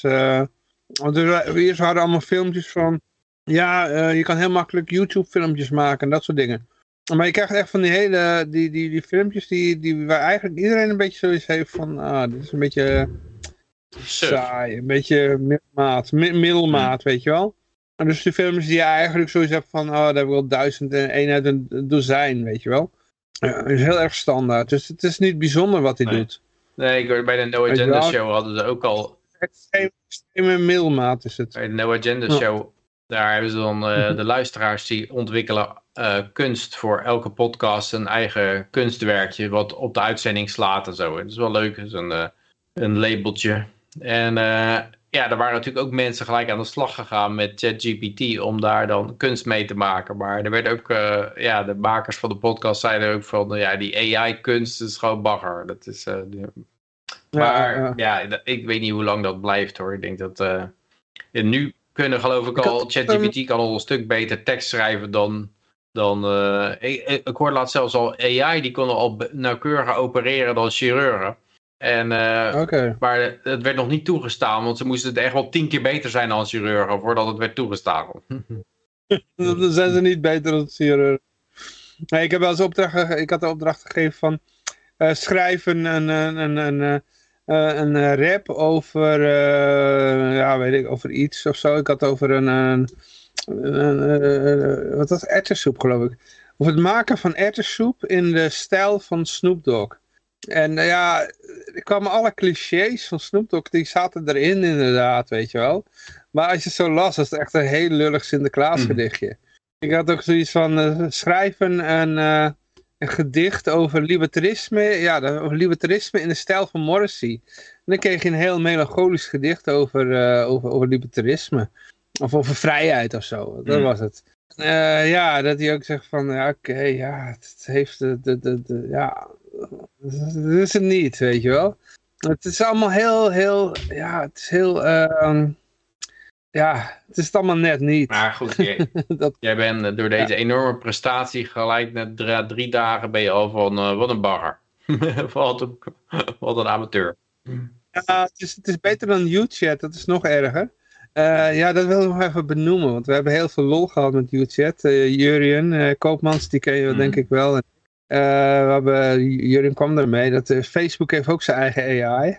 En ja, als je, moet je, de uitslagen moet je vooral niet te serieus nemen. Dus eh, hij had even gegoogeld, uh, geYouChat, had hij allemaal namen ingevuld van mensen uit zijn uh, zeg maar. Nou, ik was eerst een astronoom, aan de, werkend aan de UvA. Daarna was ik een AI-specialist, werkend aan de UvA. Toen ging uh, Jurien nog zoeken naar uh, of ik een criminal record had. En dan bleek dat ik in 1721 of zo, het jaar 1721, had ik een, uh, ja, niet, hoe dat? Een slachtofferloos misdaad had ik begaan. Dat stond er expliciet bij, dat er geen slachtoffer bij was gevallen. Het had te maken met, smo smo uh, met smuggling. Het is allemaal in het Engels, smuggling, smokkelen. En ik, was, en ik had de fine betaald en uh, ja, toen kon ik weer gaan of zoiets. En dat, dat heb, heb ik dan gedaan. Mm. ik heb zelf nog gezocht op Vrijheid Radio en er kwamen allemaal namen bij die dan de founders waren. Uh, die op geen wijze uh, ooit betrokken waren bij Vrijheid Radio en, en naar mijn idee ook uit eigen vrije wil ook niks aan zouden hebben bijgedragen. Het waren allemaal mensen die uh, ook niet eens waar ik mee bevriend was of zo, of geen wederzijdse vrienden hadden. Maar die waren allemaal de founders van Vrijheid Radio. Gewoon lucraak mensen. Mm. En het waren wel vaak entrepreneurs.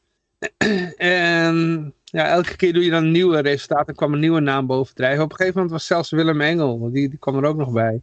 Was de founder of Vrijheid Radio. Mm. nee, het was echt, uh, ja, UChat is echt gewoon, ja. We hadden toevallig op Rick Kleinsmit nog gezocht. Hm. En Rick Kleinsmit die, zou, die zit bij de VVD en is een contributor to the World Economic Forum. Dat was het eerste wat naar boven kwam. Ja, ik weet, niet- ik weet niet wat, wat, wat ze over, over jou hebben gezegd, maar eh, je mag zelf een keer kijken. Joh. Het, is, eh, nee, het is echt complete bagger, de AI van, eh, van Facebook. Dus, Ja, is Bing het had, vijf iedereen komt natuurlijk opeens met een, met een AI-ding. En Bing, had, Bing kwam er ook meteen. En die begon gelijk de, de gebruiker uit te schelden. Hebben ze gelijk weer uitgezet. Maar die hadden echt gezegd van, hey, we gaan de beste AI maken of zo. Maar die mensen zijn niet eens in staat om een goede zoekmachine te maken. Ja, het is natuurlijk ook een beetje, beetje triest dat je dat binnen een paar dagen uit de grond zou kunnen stampen of zo. Dat is natuurlijk... eh, Daar is er al heel lang mee Ja. bezig. hè. Want die, die, diegene die ChatGPT eh, maakte, die, dat was, die eh, wilde concurreren met Google. En die hebben zeg maar eigenlijk geleerd van Google... Van dat je je, je bot moet je niet eh, op het internet aansluiten. Want dan gaan mensen input geven en die gaan jou helemaal lopen fucken, Hmm. weet je wel. Dus dat, dat, dat hadden ze daarvan geleerd. Want dat was volgens mij de fout die eh, Google ja, had ze hadden al eerder was het, eh, die was binnen no time was het een neonazi die bot. Die hadden ze gewoon helemaal eh, omgevormd tot neonazi. En eh, die hebben ze uit moeten zetten inderdaad. eh. Eh, eh, eh. Dus, eh, ja, en Google die is nog, nog niet officieel mee naar buiten gekomen, als ik had, had ik begrepen. Nee, dat lijkt me ook verstandig ook. eh. Eh, eh. ja, goed. Nou ja, ehm, even kijken. We gaan naar het volgende bericht toe. Dat is... eh, oh, we hebben nog wel een paar te gaan. Ja, de laatste die horen allemaal bij elkaar. Dat is allemaal één bericht. Ehm, we gaan eerst even naar... Even kijken. eh, Mars is beboet omdat de twee medewerkers in een, eh, een vat met chocola gesprongen waren. Gevallen stond hier bij. Oog. En het bedrijf moet nou 14.500 dollar aan de Amerikaanse autoriteiten betalen. En, ja, het, het is natuurlijk... eh, ja, je, je runt een fabriek om chocoladereep te maken. En dan vallen er twee werknemers in de chocolade. En dan moet je de overheid geld betalen. Wat is daar nou de logica achter? Dit is, dit is net zoiets als van... Ja, eh, er, je, website, je webserver is gehackt of zo. En er zijn privégegevens van klanten naar buiten gekomen. En dan moet je opeens de overheid een hele hoop geld gaan lopen betalen. Inderdaad, dat vind ik altijd heel raar. Als er al slachtoffers zijn, dan zijn het die twee mensen die de chocolade gevallen zijn. En waarom, eh, Ja. ja, waarom eh, ze dan aan de, ja, dan aan de overheid geld verschuldigd ben, dat, dat is wel een hele grote stretch, vind ik. Kan, kan me nog herinneren, dat was iets 20 jaar geleden, was dat toen ik een beetje in aanraking kwam met het libertarisme. Dat was inderdaad een van de eerste dingen, toen, toen ik het net over libertarisme gehoord, kwam zo'n bericht en eh, ja, toen had ik inderdaad net, net over van Frank Karsten, die had heel uitgelegd hoe libertarisme in elkaar zit en hoe, en wat. Toen was zo'n bericht wat ik las van, en toen begon meteen ook het kwartje te vallen, dat ik daarvoor ook nooit eh, misschien zo gezien. Maar eh, er waren een aantal bier, grote bierproducenten. Die hadden dus jarenlang te hoge prijzen aan hun klanten gerekend. Dus eigenlijk hadden wij met z'n allen te veel eh, voor ons biertje Hmm. betaald. En daarvoor moest dus een mega boete betaald worden aan de, aan de overheid. En ik had zoiets van, dus ik had zoiets, oh, dan kijken wij dat. eh, Krijgen we geld terug. zo. Nee, nee, nee, dat was dus niet zo. Nee. Dus eh, toen, toen snapte ik in één keer, ik had dus net de dag daarvoor Frank Castro, die had het uitgelegd wat libertarisme was. En ik denk, oh, oké, ja, nou, eh, nou, nou weet ik zeker dat ik goed zit. Bij, bij jou, jouw hersenen gingen open toen je bierprijzen hoorde. Toen, eh. nee, maar het was inderdaad wel zo'n eerste connectie. Van, ik had net de dag ervoor over libertarisme gehoord. En ik denk, yes, ik zit inderdaad op de goede weg. Ja, het is heel raar. En het is toch zo dat als jij in je normie-wereld opgroeit, dat je dat dan de normaalste zaak van de wereld vindt. Hè? Van nou, die worden beboet, want eh, er is iets misgegaan. Ze hebben, ze hebben iets, eh, veiligheid is iets misgegaan. Terwijl als je, als je dan Nou, later met een bril naar kijkt, denk je van, ja, eh, het, het is heel raar als er, als er bijvoorbeeld een vent met een, met een auto tegen een fiets aanrijdt. En, en er komt een derde Ja. figuur, die bijsta een bijstander, die komt er gewoon voorbij lopen en die zegt, ja, dat was, eh, je hebt die, die, die vent op de fiets beschadigd, nou moet je mij 3000 euro betalen. dat zou iedereen toch wel heel snel doorhebben van, ja, maar, eh, wat heb jij ermee van doen? eh? waarom zouden we jou 3000 euro moeten betalen? Ja, ja omdat, omdat jij die fietser hebt aangereden, moet je mij 3000 euro betalen. Het, het is eigenlijk heel heel simpel. Maar ja, als je helemaal in die normie wereld opgroeit, dan, eh, dan- ja, dan klinken dit soort dingen gewoon nog best wel normaal. Uh, uh, uh. Mm, Nee, ik denk dat vroeger had ik dat dan, eh, denk ik dat bericht, eh, als ik het las, dan denk ik, oh, ik krijg, eh, maar ik krijg straks, de bier was straks goedkoper. Maar je gaat verder niet dat artikel lezen of, of wat het, eh, om te kijken voor een bevestiging of zo. Het gaat dan gewoon één oor in, ander oor uit. Ja, en in Amerika, is mij uitgelegd, dus dan ga ik er juist naar kijken. En dan denk ik, oh inderdaad, we worden genaaid. Weet je wel, ik denk dat dat het verschil was.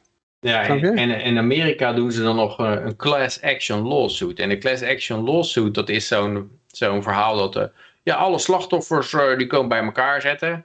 En, die, en die hebben een advocaat. En die advocaat gaat dan bij naar het bedrijf toe en wil je een rechtszaak een enorm boetebedrag afdwingen.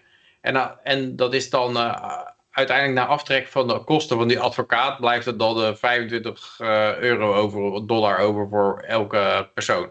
Maar da- dan houden ze ja, nog wel een beetje het idee in stand dat, dat eh, zeg maar de zogenaamde slachtoffers daarvan profiteren. Terwijl, ja, met al die onzin van het bier is te duur ook. Je weet natuurlijk uit, als libertarist dat het, eh, eh, eh, libertair dat het ook onzin is dat, het, dat er eh, het bier te duur kan zijn of zo. Eh, bedoel, dat, waarom is er dan geen concurrent die het tegen eh, lagere prijzen levert?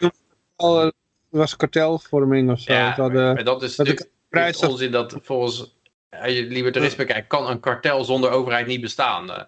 Want elk kartel dat vernietigt zichzelf omdat de hoge prijzen die, die zorgen vanzelf dat iemand marktaandeel probeert te winnen dat- door iets lagere prijzen te, te, eh, aan te bieden en daarmee zijn winst vergroot. Dus als ze, als ze een winstmotief hebben, dan kan een kartel niet stand houden. Ja. Nou, eh, hoe is het met die mensen afgelopen die er in, eh, in dat vat Ja, gevallen waren? het vast overleefd, denk ik. In ieder geval, ja. Stond staat nog bij hoe ze erin gevallen waren? Of? Ja, er stond wel bij. Een of ander vat maakten ze open met plastic zak en er kwam opeens chocolade eruit zetten of zo. Ik weet ook niet. Eh wat, nou ja, het doet er niet zo, eh, zo heel veel toe. Ik denk dat ik schaar dit ook gewoon eh, onder de ongelukken van eh treinongelukken. En eh, we hebben een diversity hire. En, eh, en Alec Baldwin, die zijn de, de een of andere eh, vuurwerk, of hoe heet het, vuurwapen-expert in dienst heeft, die, eh, die vooral is aangenomen vanwege andere redenen dan eh, haar vuurwapen-expert eh, kennis. Mhm. Dat hij dan gewoon met een gelaatwapen iemand doodschiet. Nou, dat kwam al aan de ander. Ja. Maar in, eh, ja, in eh, Amerika daar vliegen de, de UFO's eh, allemaal over met, met grote getalen. Althans, Marco Rubio moeten geloven. Man met grote banden met Defensie. Maar hij ziet ze vliegen. je ziet zo. Ja. Hij ziet ze vliegen. Ja, de UFO's. En ik had daar nog wel wat bijbehorende berichtjes hoor. Dus, eh, Ja, het is nou een en al Ja. FIFO, of, eh, UFO-toestanden. En het doet een beetje denken of eh, Operation Bluebeam al gestart is. hè. ja. Met, eh, Nee, Blue was het. Blue Book. nee, Bluebeam is het. Blue Bean, wat is dat? Wat is, ja, ja, we Blue hadden Beam het is dat, gehad, ja. eh, ja, dat er een fake alien invasion komt. En dat er wordt gezegd van, eh, ja, we zijn nu omsingeld door buitenaardse wezens. En eh, Oh, wij doen de onderhandelingen wel met ze. En, eh, en dan hebben we natuurlijk ook één world government nodig om de onderhandelingen te kunnen doen met, de met de aliens. En jouw kleine belangetjes moeten een vrijheid, screw your freedom, zoals Arnold Schwarzen- Schwarzenegger dat zei. Jouw freedom moet ook even gescrewd worden, omdat, ja, nu is er zoiets groots. We zijn door, omsingeld door, door buitenaardse wezens en eh, die willen het volgende van ons. En dan eh, dat we insecten gaan eten en dat we privaat eigendom afschaffen en dat we carbon emissions terugschroeven en dat we in ons huisje blijven zitten naar de, naar de nieuwsmedia kijkend. Oh, oké, ja. Nee, Blue Book was een, eh, een, een operatie uit, overheids, eh, over- operatie uit de jaren 60, denk ik, 50, 60. Om juist ehm, ja, allerlei fant fantasie, fantasieverhalen uit de, de, over UFO's te debunken, zeg maar. Dus, eh, Nou, dat is tegenwoordig wel weer heel erg achterhaald dan. Want tegenwoordig, zitten ze het meer te promoten, heb ik het idee. Ja, ja, toen was het tegenovergestelde. Ja. Maar die, goed, ja, in ieder geval, ik had hier nog een tweet van, eh, van een oud overheidsmedewerker, eh, Edward Snowden. Ehm, nou, ik lees, laat hem gewoon even voorlezen. En dan horen we... Hallo, ik wil tekst editeren. Ja, oké. Eh, hij wil niet meewerken. Ah, hier. Hartstikke idee. Eh, ja, Edward Snowden had ook wat te zeggen over dit eh, alles. I wish it were aliens, but it's not aliens, it's just the old engineered panic. An attractive nuisance ensuring NatSec reporters get assigned to investigate balloon bullshit rather than budgets or bombings, a la Nord Stream. Until next time. Ja. Vond je ervan? Ja, het, het eh, klinkt wel aannemelijk. Dat, eh, dat dit een grote afleidingsmanoeuvre is. Er is gewoon een soort Chernobyl nou aan het eh, plaatsvinden in Ohio, Pennsylvania. Waarbij er gewoon klopt. enorm berg vinylchloride in de fik gestoken is. En dioxine zich verspreidt en allerlei kippen gewoon doodgaan. Mensen waarschijnlijk bij bakker Ja. kanker krijgen.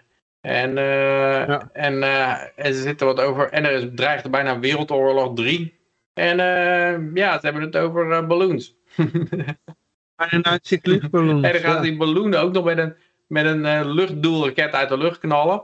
En er was, eh, er was er nog één die had gemist ook. Die had, dat- die had, die had dat ding gemist. Hebben hier een raket van een miljoen of zo. Ja, het is gewoon een paar honderdduizend. En, die, en die, die miste dan die luchtballon. Maar ja, die raket die is natuurlijk gewend om op allerlei jagers te vliegen die eh, achteraan te zitten. En, en, eh, en die lucht, luchtballon, dan kon hij gewoon niet geloven dat hij daarop afgestuurd was. Die, die, dat is zo'n statisch ding natuurlijk wel bijna stil hangt.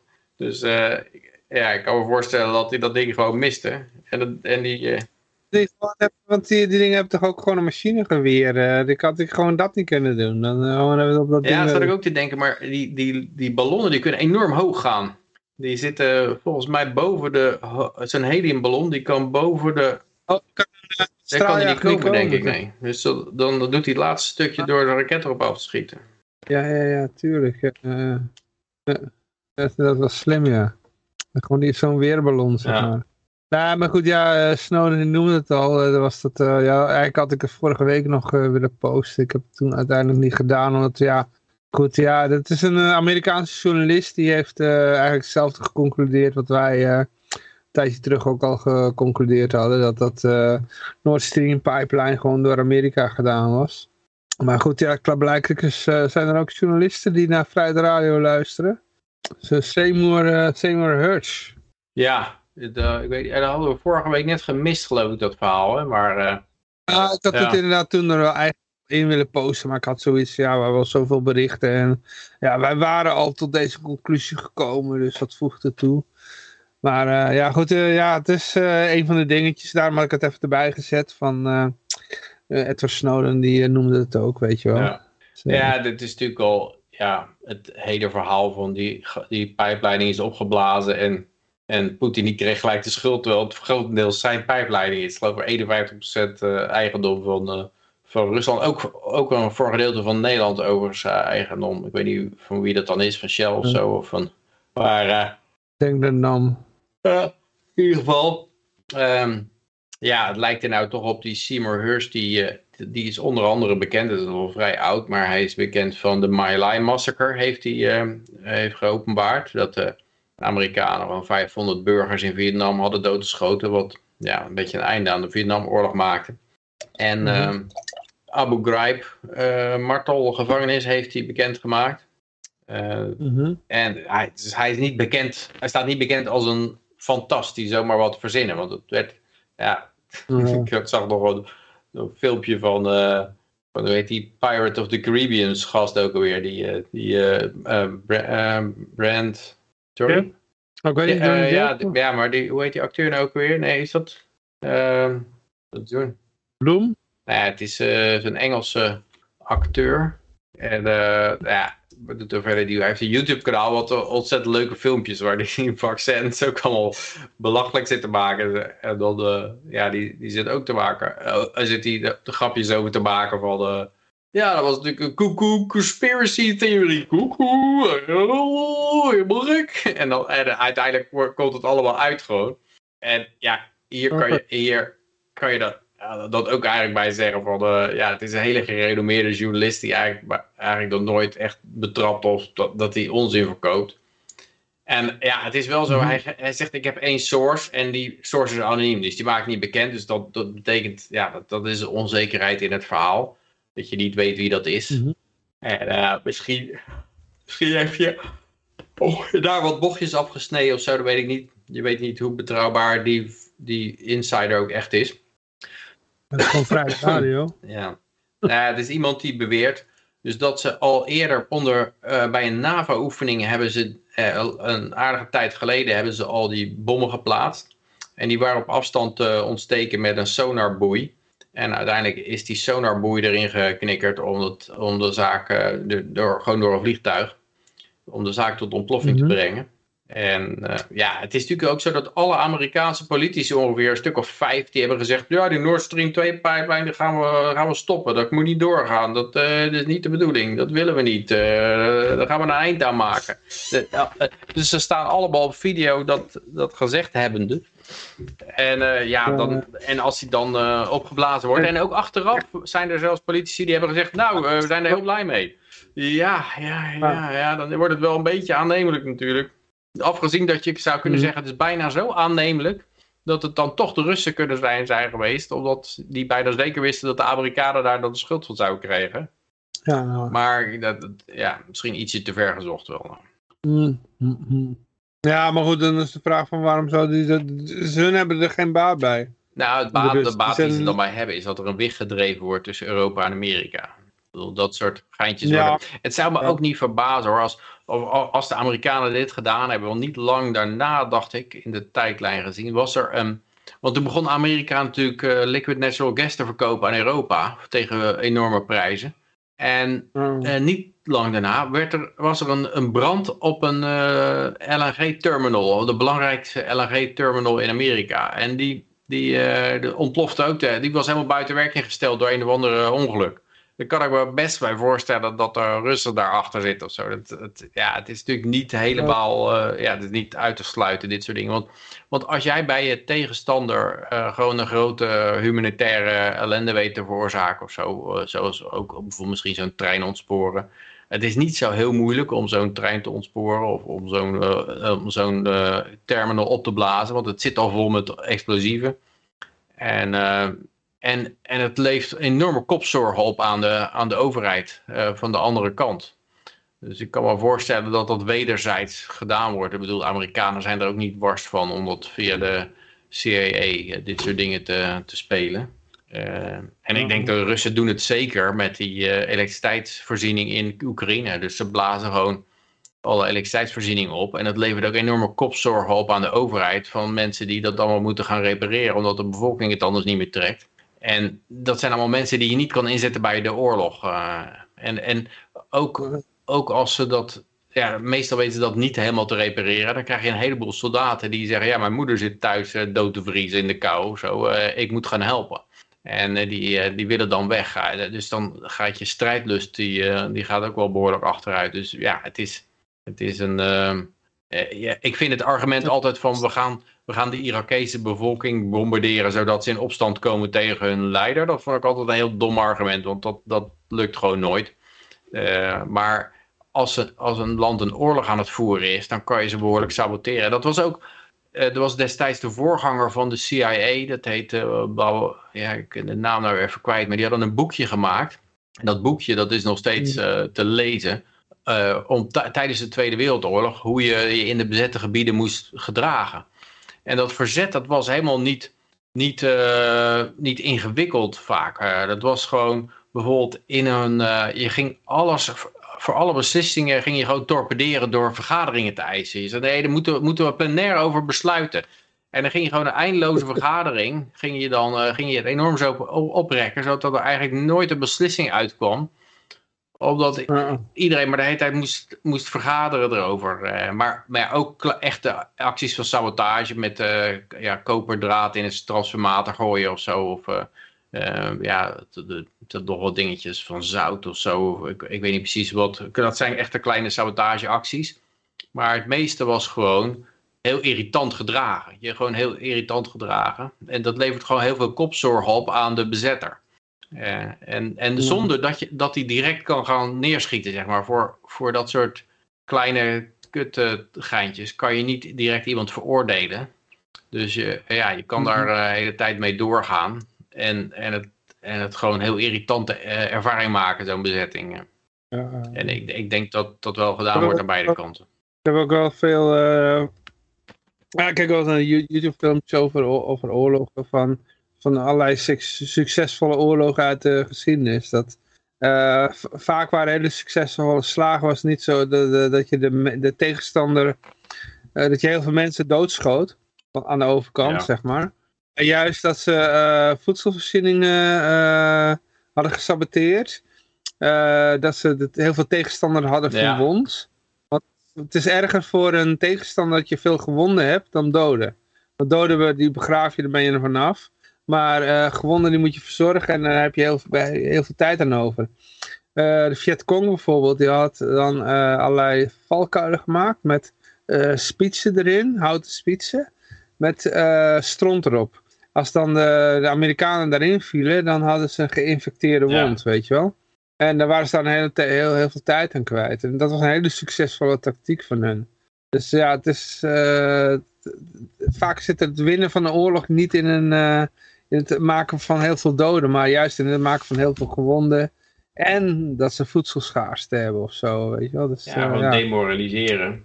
En demoraliseren inderdaad, dat soort dingen. Dus, Ja, ik Ja. denk dat dat, eh, dat dat, ik denk dat inderdaad zo'n trein die ontspoort, dat levert gewoon Amerika een hele hoop hoofdbrekers op. Die grond moet opgeschoond worden. Er zit allemaal landbouwgrond, al die producten komt bakkerdioxine in. Eh, ja, hoe ga je dat, op, hoe ga je dat opvangen? Ja, die, dat zijn allemaal mensen die eraan moeten werken. Die kunnen geen wapens produceren bijvoorbeeld. eh. En die kunnen geen... Ja. eh, Volgende bericht inderdaad, terrein in Ohio. Hm. Denk jij dat de rust erachter zit? Ja, ik heb helemaal nergens bewijs van, maar ja, het lijkt me wel iets dat, eh, ja, dat, dat, ik ben een beetje huiverig met Poetin dit, dit omdat, omdat het zo'n, zo, Nee, Misschien wel de Gates erachter. zo'n zo'n onzin is. Ja, ik denk dat helemaal Bill Gates land onbruikbaar is geworden, want die, heeft de grote, die is een van de grote landbezitters, dacht ik. Ja, maar hij wil juist eh, iedereen aan de vegan food hebben. Ja, maar ja, je gaat, neem ik, waar, waar dood. koopt hij dan het land op? Hij koopt het land op en dan maakt hij het onbruikbaar. Ja, vegan Nou, kan je ook niet meer. Je eh, kan er geen landbouw meer op doen natuurlijk, als er allemaal eh, dioxine in zit.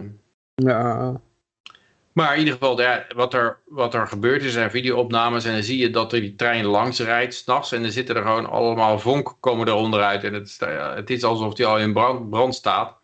En het, het verhaal voor de simpleton is, eh, is dat, ja, omdat er een greedy corporation was en die hadden geen geld over om in een eh, remsysteem te, automatisch remsysteem te investeren en hadden ze zelfs tegen gelobbyd. Je moet er kennelijk tegen lobbyen bij de overheid om dat niet opgelegd te krijgen. En eh, nou, dit is dan kennelijk optimaal voor de winst. Dat je dan dat je trein met vinylchloride ontspoort. en, ja, eh, ja, als libertariër zeg ik, dit, dit maakt helemaal geen... Dit is heel onlogisch als je winst probeert te maken om, eh, om eh, met ontplofbare gevaarlijke stoffen te gaan rondrijden en dan ongelukken te veroorzaken en dan enorme schadeclaims te krijgen. Dat lijkt me niet, lijkt me niet gunstig. ja en uh, Atlas Shrugs hadden we ook wel eh, dat soort In wat? treinongelukken. hè? Dus, Atlas eh, Shrugged, ja. ja. Ja, en dat kwam natuurlijk omdat je allemaal eh, incompetentie overhield aan het einde in Atlas Shrugged. En ik denk dat dat veel aannemelijker is eigenlijk. Dat, eh, dat je natuurlijk eh, een heleboel van die, van die, die mensen die geen wiskunde meer kunnen, zeg maar eh, middelbare schoolwiskunde, die moeten allemaal eh, een trein, of diversity hires of zo. Je gaat, je, bij, bij Atlas Shrugged was het ook zo, mensen werden niet meer op hun kwaliteiten aangenomen. Maar vanwege hun politieke vriendjes en connecties en zo. En daardoor ging het helemaal mis. En de, en de, de mensen met kwaliteiten die, die verdwenen uit de samenleving. Die gingen naar Gulds, Gulds toe. En en misschien worden zou zijn, zijn een remsysteem bij Alibaba Mhm. gekocht. ja, ik, ik heb het idee dat... eh, ja, dat is een reeks van, van domme beslissingen. Maar ja, het is, eh, het is of sabotage of... Of, want hoe moeilijk kan het zijn om een, om een trein te rijden zonder dat die, dat die nou in de brand staat of zo. Dat is, ja, het lijkt me toch wel niet zo, zo een heel groot probleem. Zeker als je dan een trein hebt met een, met een enorme gevaarlijke brandbare stof en om daar nou een beetje extra aandacht op te zetten. En dan, en om een paar mannetjes mee te laten rijden in plaats van zo'n gigantische eh, ramp te laten gebeuren. Die, want je, het was gewoon heel duidelijk op die video al te zien dat, eh, dat, het, in, dat het in de fik stond eh, eigenlijk. en de, ja, Het gekke was ook dat er mocht niet over bericht worden in ja het dat is ook heel verdacht, ja. journalisten opgepakt omdat Ja. ze er bericht over Ja. Gaan. Dus er waren journalisten daar, die stonden te filmen, nieuwsreportages te doen. En die werden allemaal opgepakt. Dus dat was ook Ja. wel een beetje gek. Ja, altijd als ze gaan censureren, dat is altijd heel eh, verdacht. En als ze dan Mhm. zeker je gaan verzekeren dat er niks, geen problemen zijn, dan is het nog erger. eh. En dat is Ja. ook nog bij het plaatsje East Palestine gebeurd. Hè? Alsof, ja, alsof het in de naam zit, dat, de, de shit. eh. Ja. Dus ja, ik denk dat... eh, en, en ja, wat ik ook hoorde, dat er zitten daar heel veel Amish in de buurt in Pennsylvania. En die Amish, die, eh, die zien hun land nou ook helemaal eh, kankerverwekkend worden. En als ze dan geen kanker kregen als bijwerking van het vaccin, wat ze hebben, kunstig hebben vermeden, dan, dan krijgen ze het nou vanwege landbouw van eigen grond. Ja, ja, ja. En juist kippen die Ja, doodgaan. kippen die, en, en, en snel ook al, hè? dus gewoon binnen één dag al die kippen dood. Dat geeft je een beetje Ja. het idee van, ja, en, en dan zegt zo, eigenaar van die kippen, die zeiden van, nou, wat doet het dan wel niet, wel niet met mensen over 20 jaar? Ik denk, nou, 20 jaar, dan heb je het optimistiseren schat volgens mij. eh. Ik hoorde ook een, en, eh, ja, een hele, ja, voor mij verstandig klinkende PhD-medicus interview mee. Eh, hoe heet die nou ook weer? Uh, moet ik dat nog even opzoeken. Maar nee, Scott, nog iets. Ik heb denk hier nog wel ergens openstaan. Eh, Mhm. En die, die vertelde over. Hij zegt ja, het probleem is niet. eh, waar, je, waar je niet over in moet zitten, is niet van nou, eh, we zitten post-COVID, dus het gevaar is geweken, we zijn, we zijn het onheil voorbij. Het probleem is, wat je krijgt, is post-COVID, is hij heet Dr. Paul Cottrell. Dr. Paul Cottrell. Hij heeft een kanaal op YouTube, maar dat is heel heftig gecensureerd, dus je kan hem beter op Rumble volgen. En die vertelde over. zegt, ja, wat je, daarna, wat je na COVID krijgt, is toch een hele shit aan. eh, aan waarschijnlijk aan kankergevallen. Aan, eh, en eh, kanker, hartaandoeningen, al die bijwerkingen en zo. Dat gaat nog de hele tijd door. eh. en kanker is natuurlijk vrij Mhm. langzaam. Dus hij zegt, de, de, de ellende moet nog komen eigenlijk van, van de hele vaccins. eh. En voor een gedeelte ook, wij, hij zegt ja, een gedeelte COVID zelf ook.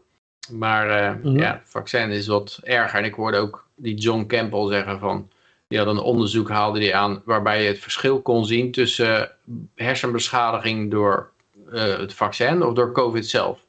Omdat daar eh, verschillende eh, chemische handtekeningen aan zit. En ja, een aantal van die mensen die, die eh, problemen hadden gekregen na het vaccin, zag je dat het wel degelijk door het vaccin kwam en niet door eh, COVID zelf. Dus ja, Oh. ik denk dat er nog een hele hoop gezondheidsproblemen in de toekomst zitten. Maar het is niet zo dat de Amish nou eh, vrolijk verder kunnen leven. omdat ze als een, van, als een van de eerste groepsimmuniteit bereikten. Dat was in, in Urk ook in Nederland. De Urk had ook heel snel groepsimmuniteit. Dus die waren er heel snel doorheen ge- gegaan eigenlijk. Eh, Mhm. Maar die Amish die krijgen nou alsnog eh, shit over zich heen met deze treinen. Dus, eh, Eh, soort een vraag van, oké, jullie hebben niet gevaccineerd, die hebben jullie in ja, de het, trein. het is de controlegroep verwijderen zou je kunnen zeggen. Dus als je natuurlijk, als je niet wil dat uit, uitkomt dat... Over het hele, hele Amish-gebied heen? Hm? Of? Gaat het nou over het hele Amish-gebied heen? Nou ja, de of wind staat wel die kant op, ja. Dus ehm, ja, het is, ik weet niet hoe groot dat gebied is, maar ze zitten geloof ik in Pennsylvania. En dit was dan in Ohio, maar aan de grens met Pennsylvania. En dat ging wel die, die kant op, ja. Ja, Oké. Kijk, het hele probleem is natuurlijk, als jij een vaccinatie gaat doen en het heeft een slecht effect op de gezondheid, eh, dan wil je gewoon dat er geen controlegroep is. En het eerste wat ze gedaan hebben met die test, is die controlegroep inenten. Dus eh, toen, toen eenmaal bekend werd van, nou, we kunnen wel gaan voor de, voor de emergency eh, authorization, toen hebben ze de hele controlegroep gevraagd van willen jullie ook niet de inenting hebben? Jullie hebben placebo gehad, maar wil je dan ook niet de inenting? Ja, dat wilden ze wel. Op één na geloof ik. Dus die zijn ook allemaal ingeënt. Maar daarmee kan je nooit meer achterhalen of, eh, of een bijwerking, als, er- als er een nieuwe nierziekte ontstaat over tien jaar, kan je niet meer zien of het door het vaccin komt of niet. Want normaal zou je dan zeggen van, oh, hé, hey, diegenen die het vaccin hebben gekregen, hebben allemaal nierziekte gekregen. En eh degene uit de controlegroep die een placebo hebben gehad, hebben, dat, hebben het niet. Of in statistisch mindere mate. Dus dan kan je het uit elkaar halen. Als je zodra je de controlegroep ook inent, dan kan je dat niet meer uit elkaar halen. En dat is ook zo met, als je, als je verwacht dat er een hoop kanker komt, eh, dan kan je dat eh, verbloemen door te zorgen dat er mensen die niet gevaccineerd zijn, ook allemaal eh, blootgesteld worden aan... aan- want anders, anders steekt dat er natuurlijk heel duidelijk uit. Het hadden ook een paar Afrikaanse landen die hadden gewoon gezegd, ja, bekijk het maar met je vaccin. Nou, Haiti ook, geloof ik. En die, die kregen opeens een staatsgreep. Of er, werd, er, werd de premier, er waren al vijf van die staatshoofden die waren opeens eh assassinated of uit de functie eh, gest- ge- gewipt. En, en vervangen Ja. door iemand die heel positief was over de vaccins. Ja, de- ja, Ja. eh, de- volgens mij is het niet zozeer dat ze nou per se die laatste paar centjes winst nog willen hebben. Want zoveel verdienen ze daar niet aan. Maar ze willen gewoon geen controlegroep hebben waaruit kan blijken dat ze, dat ze meer kwaad dan goed doen.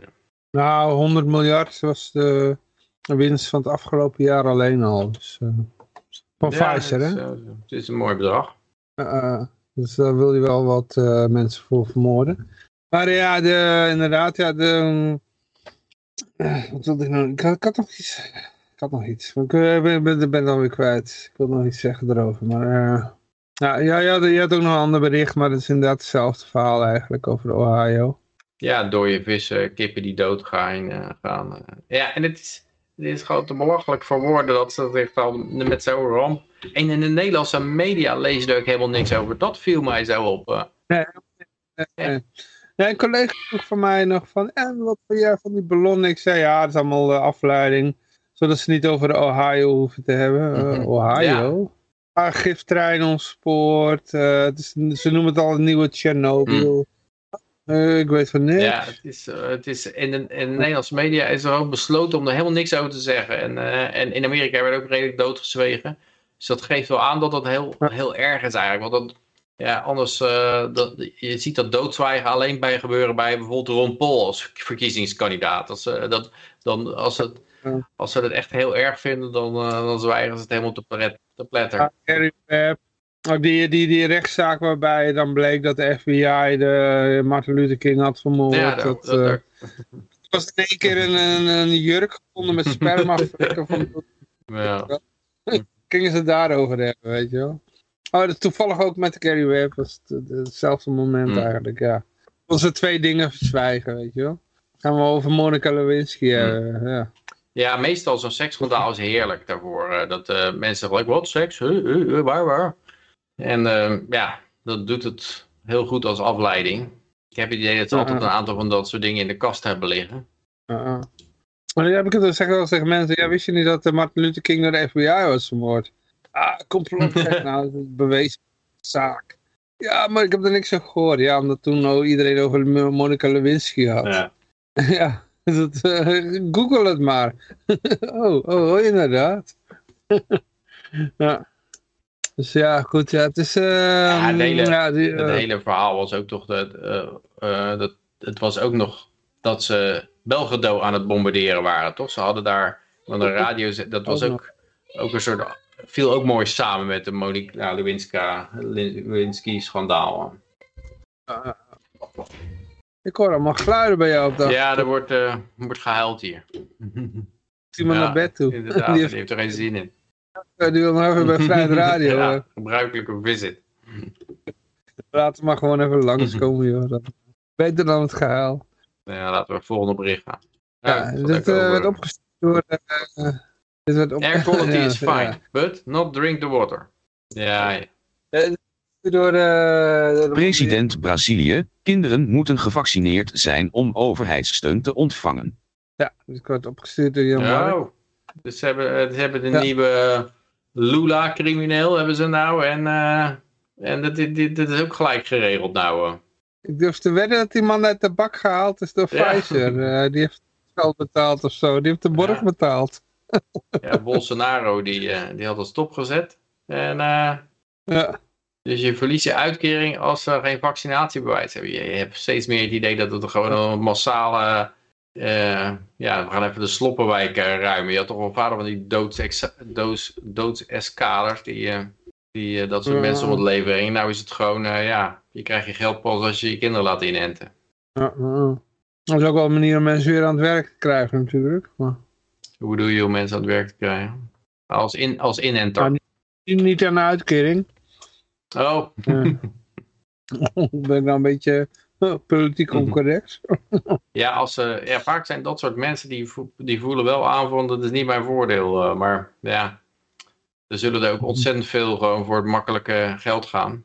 Ja, weet ik niet. Ik, ik, eh, heel veel dat soort landen hebben ze dan vaak andere uitkeringssystemen. Dat is, heb je een eenmalige uitkering van hier heb je eh, 1000 eh, euro en ga je maar je, je foodcar daarmee kopen. En dan mag je lekker op het eh, plein staan, eh, weet je wel, hamburgers flippen. Op je, op je autootje, op je karretje, weet je wel.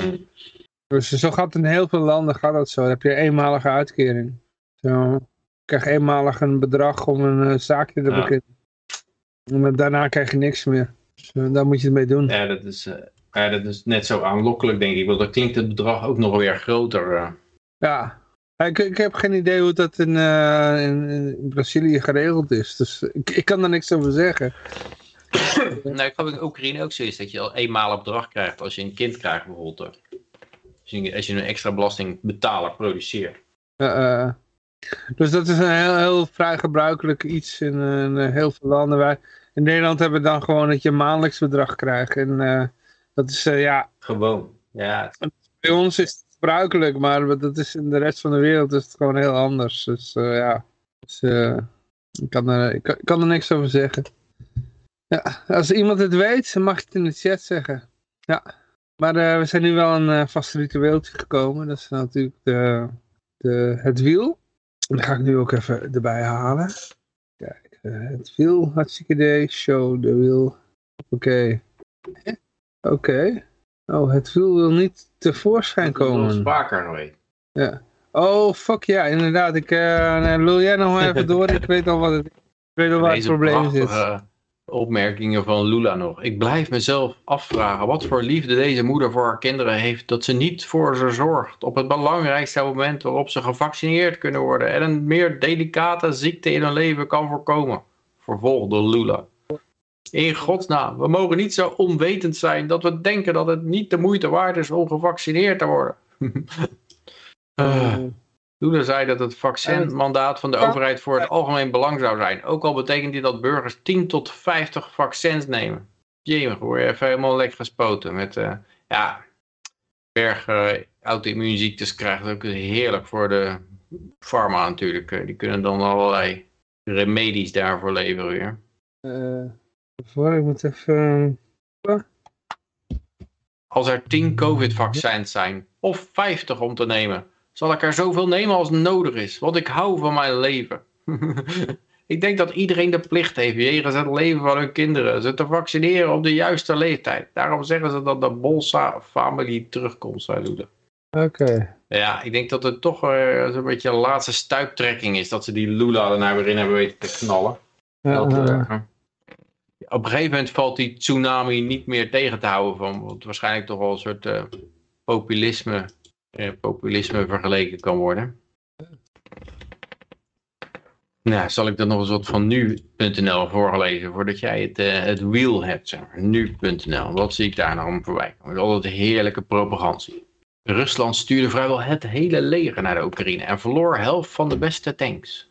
En dan hebben ze een soldaat die een soort Hitlergroet brengt. Dat is ook wel apart, Oké. apart beeld. En Biden zegt nou dat de onbekende vliegende objecten waren niet van China, maar van bedrijven. Dus eh, hij, heeft, eh, hij heeft natuurlijk veel connecties, hij heeft veel investeringen in China. Via zijn Hunter ballonnen, Biden eh, proxy. Dus hij kan niet eh, te veel China tegen de schenen schoppen, want dan is hij al zijn eh, investeringen kwijt. eh. Nou, of ze hebben gewoon weer ballonnen neergeschoten. Dat kan ook nog. Wat bedoel je, ze hebben gewoon die weerballon neergeschoten. Ja, dat het gewoon weer Ja, ballonnen ja, waren. dat zullen wel weer ballonnen zijn, denk ik, ja. Ik geloof dat de Amerikaanse Eh. militairen al al gezegd, dat van, nou ja, dit is onwaarschijnlijk dat dit eh, spionage om spionage gaat. Maar ja, ja, als de hysterie eenmaal hoog opgeleid is, en, eh, dan, dan moet, je Maar wel, moet je er wat mee gaan doen. En daar moet je er maar het beste van maken ook. Er ga ik een heleboel ellende onderschrijven onder eh, hysterie. De worsteling met militaire AI. Mag een wapen zelf nadenken? Oh ja, eh, dingetje, eh, Klaus Schwab had ook al gezegd, hè? degene die AI controleert rules the world. zag je natuurlijk, dat eh, er moest snel een wereldregering komen ook. eh, Natuurlijk vindt man altijd dat er een wereldregering moet zijn. Om, wordt er overigens gezegd dat de bewoners van East Palestine waarschijnlijk al DNA-mutaties ondergaan. Dit moment. Oké. Ik denk dat, uh, ik heb volgens mij al gevonden, de hele probleem met die, uh, met het wiel, dat zit waarschijnlijk weer bij de, dat hebben we eerder gehad. Dat zit waarschijnlijk bij de, de Stream Elements. Ik denk dat die gewoon een probleem hebben met... Hmm. Ik, ik, kan nog één ding doen. Ik ga heel even één filter uitzetten. dat Ted Cruz die zegt over uh, Klepper dat dit... He has a record of dishonesty. Dat klopt ook. Klepper die heeft ook gewoon gelogen tegen, tegen de Senaat of zo. Huis van Achtergewaarder, ik weet niet hoor. Maar een van die twee. Maar Ted Cruz die oh, was als de grootste schuldige aangewezen voor, door Seymour Hersh. Als uh, drijvende kracht achter, achter de bombardement van Nord Stream 2. Ja. Oké. Okay. CDC director suggests it will never change child masking policy. Our masking guidance doesn't really change with time. Dus het is forever gewoon niet mask dragen. Oké. Okay. Slechts de helft van de Amerikanen gelooft, uh, of de helft van de Amerikanen gelooft dat hun nieuwsmedia uh, proberen de, het publiek te misleiden. Dus dat is wel super laag vertrouwen in, de, in deze nieuwsmedia. Uh, ik zie nou wel dat, ik kan wel het, rad zien, dus uh, via iets anders. Dus het zit toch bij mij ergens, dat er iets is wat het rad niet getoond wordt. Dus ik, heb, ik, ik kan nou via een andere weg kan ik wel het rad zien. ik kan alleen niet zo goed de, de winnaar zien. De tekst is niet zo goed leesbaar. Ik zit in mijn, op een klein iets. Ik ga het even vergroten, misschien dat ik dan, ja... Dan doe ik het op deze manier, dan moeten jullie mij maar geloven. Ja, zo kan ik het goed zien. Oké. Okay. Uh, ik, ik, ik, noem het gewoon op de winnaar is. Daar komt hij hoor. 1, 2, 3. Spin. Hoppakee. Daar gaat hij. En de winnaar is... Oh fuck. Oh hè? Kut. In één keer verdwijnt het beeld. Oh, kut. Net op het moment dat hij uitgedraaid is, wordt alles, uh, gaat alles weg. Kut. nou, dan, dan zeg ik gewoon dat uh, dat gaat gewoon door naar de volgende week. Dus dan uh, ga even kijken wat de reden was dat het niet getoond werd. En ja, goed, dan volgende week 60 geëgeld, dus dan doe ik dat. Ja, een beetje, een beetje ja, jammer. Ik heb geen idee wat, wat de reden was, maar... Technisch falen. Het technisch falen, ja, daar zijn we bekend om in glitch noem je dat dan maar. Ja, een glitch, oké, ja. Dus, uh, oké, nou ja. Goed, laatste bericht, kale mannen. Ja. ja, er is een uh, Engelse rechter en die heeft gezegd dat als jij mannen kaal noemt, dat is dat sexual harassment. Dat is eigenlijk net zoiets als zeggen van, wat zijn, je klein, wat zijn je tieten klein of zo. Ja, zoiets, ja. In een employment tribunal. Er was een, uh, het was een, ma een man die had het naar voren gebracht. En uh, uh, hij werkte voor de British Bung Company in West Yorkshire. He was fired last May after 24 years at the company. The comment came during a heated debate between Fim, who claimed to be a victim of sexual harassment, and his supervisor, James King. A panel led by okay. Jonathan Brain, je verzint het niet, Judge Brain, ruled the insult as a form of discrimination because hair loss is more common among men than women. Panel found in summary we have little doubt that being referred to in this pejorative manner was unwanted conduct as far as Mr. Finn was concerned. dus uh, ja, het is sexual harassment. Uh, okay. Nou, je bent weer beter beschermd. Okay. Het is een beetje ongebruikelijk omdat het zeggen naar mannen uitbreidt. Zeg maar. als, je, uh, als je iets over vrouwen in het lichaam zegt, dan is het inderdaad allemaal gelijk sexual harassment. Maar over mannen kon je tot voor kort alles zeggen. Ik had iemand die wil naar, uh, in de chat, die wil naar uh, Engeland verhuizen. is die veilig? mm Er zijn allemaal vrouwen achter zich aan of zo. Ja. Je hebt ook gedeeltes in, uh, in Afrika waar uh, zeg maar dikke mannen een soort sekssymbool zijn. Ja, in, in Nederland uh, vroeger dat ook dikke vrouwen was ook seksueel aantrekkelijk. Rubens, Rubens lichaam. Ja, dus gaat alleen maar iets over de smaak van Rubens. Nou, ik denk dat het wel gangbaarder was. Als je natuurlijk armoede hebt, de voedselschaarste, dan is is dik opeens een teken van luxe. Kijk, dat- toen ik vroeger naar tekenfilms keek, de Berenboot of zo, dan was de zakenman, dat was, de, was altijd al de schoft natuurlijk, omdat er, er allemaal communisten bij, de, bij dat soort tenten werken. Maar die zakenman, die was, die was dan dik en die rookte een sigaar en die at taartjes. Dat was, het, was de zakenman eigenlijk. Terwijl nu is de zakenman zeg maar, een soort Steve Jobs-achtige vuur. Die, die eet eh, gezond, die, eh, die rookt niet. Eh, De totals en terwijl die, juist de onderklasse, die zit zich helemaal vol te vreten met, en, met, met, en te roken en zo. Dus het is een, het is, het is een beetje omgekeerde wereld geworden. En dat kan met dik en slank ook gebeuren, denk ik wel. Dus als je een hongersnood krijgt, dan, dan is dik opeens iemand die het net iets langer gaat volhouden waarschijnlijk. Ja, ja, dat zou zomaar kunnen, ja. Dus, eh, Het is, het is volgens Maar mij meer een de- afwijking dat die broodmagere Ja? modellen, dat dat zo, eh, zo, zo sekssymbool is geworden. En het voelt natuurlijk wel allemaal, eh, ja, je wordt er allemaal in meegezogen. Als je, als je het veel ziet, dan denk je dat dat het ideaal is. Maar ik denk, misschien ben je best wel te trainen dat, dat wat dikker, dat dat... zoiets dat iedereen uiteindelijk vrijwilliger uitziet als een, eh, als een gevangene in Auschwitz. Ja, allemaal graadmager. ja, die trend is gewoon ja, vrij ver doorgegaan. Maar ja, je- Er wordt de mo- mode wordt dan eh, van een wit-zwart gestreept eh kweek. Zo. ja, dat durf ik nog niet te zeggen. Ja, you own nothing and you be happy. Dat sowieso. Ja, uh, uh. ja. Goed, ja, nou zijn we aan het einde gekomen van Vrijheid Radio. Is weer gelukt. Maar ja, dit is het eindstation, Auschwitz. Nee. Eh, goed, sorry. Eh, nou ja, uiteindelijk wil je het wel naar een, eh, een, een vrijere wereld toe leiden. Ja, hopelijk. Maar ja, dan moet je gewoon blij wezen. En innovatief zijn en Ik creatief. ken overigens een libertariër die is vandaag ge- gearresteerd in New York vanwege het bezit van een banaan. Oei, serieus. Ja, mag je niet zomaar invoeren, zo'n banaan. Er kunnen allerlei ziektes in zitten. Wat? Oh, die, had, die was gearriveerd op de, op de Ja. luchthaven met een banaan. Ja. Ah, ja. Je mag wel allerlei bagger chocoladerepen meenemen. Dat is allemaal geen probleem. Maar een banaan. Oh jee, ja, inderdaad. kunnen we niet hebben. Ja. Nee, goed, ja. eh, dat is de vrije wereld waarin we leven, hè. Land of free. Maar goed, ehm, uiteraard zijn we volgende week weer. Ik eh, wens iedereen een vrolijke en vooral heel sorry, vrije week toe. En ik zou zeggen, toedeledokie. Hartstikke idee. Oh, we moeten wel de, de eindtune natuurlijk eh, bij de hand hebben.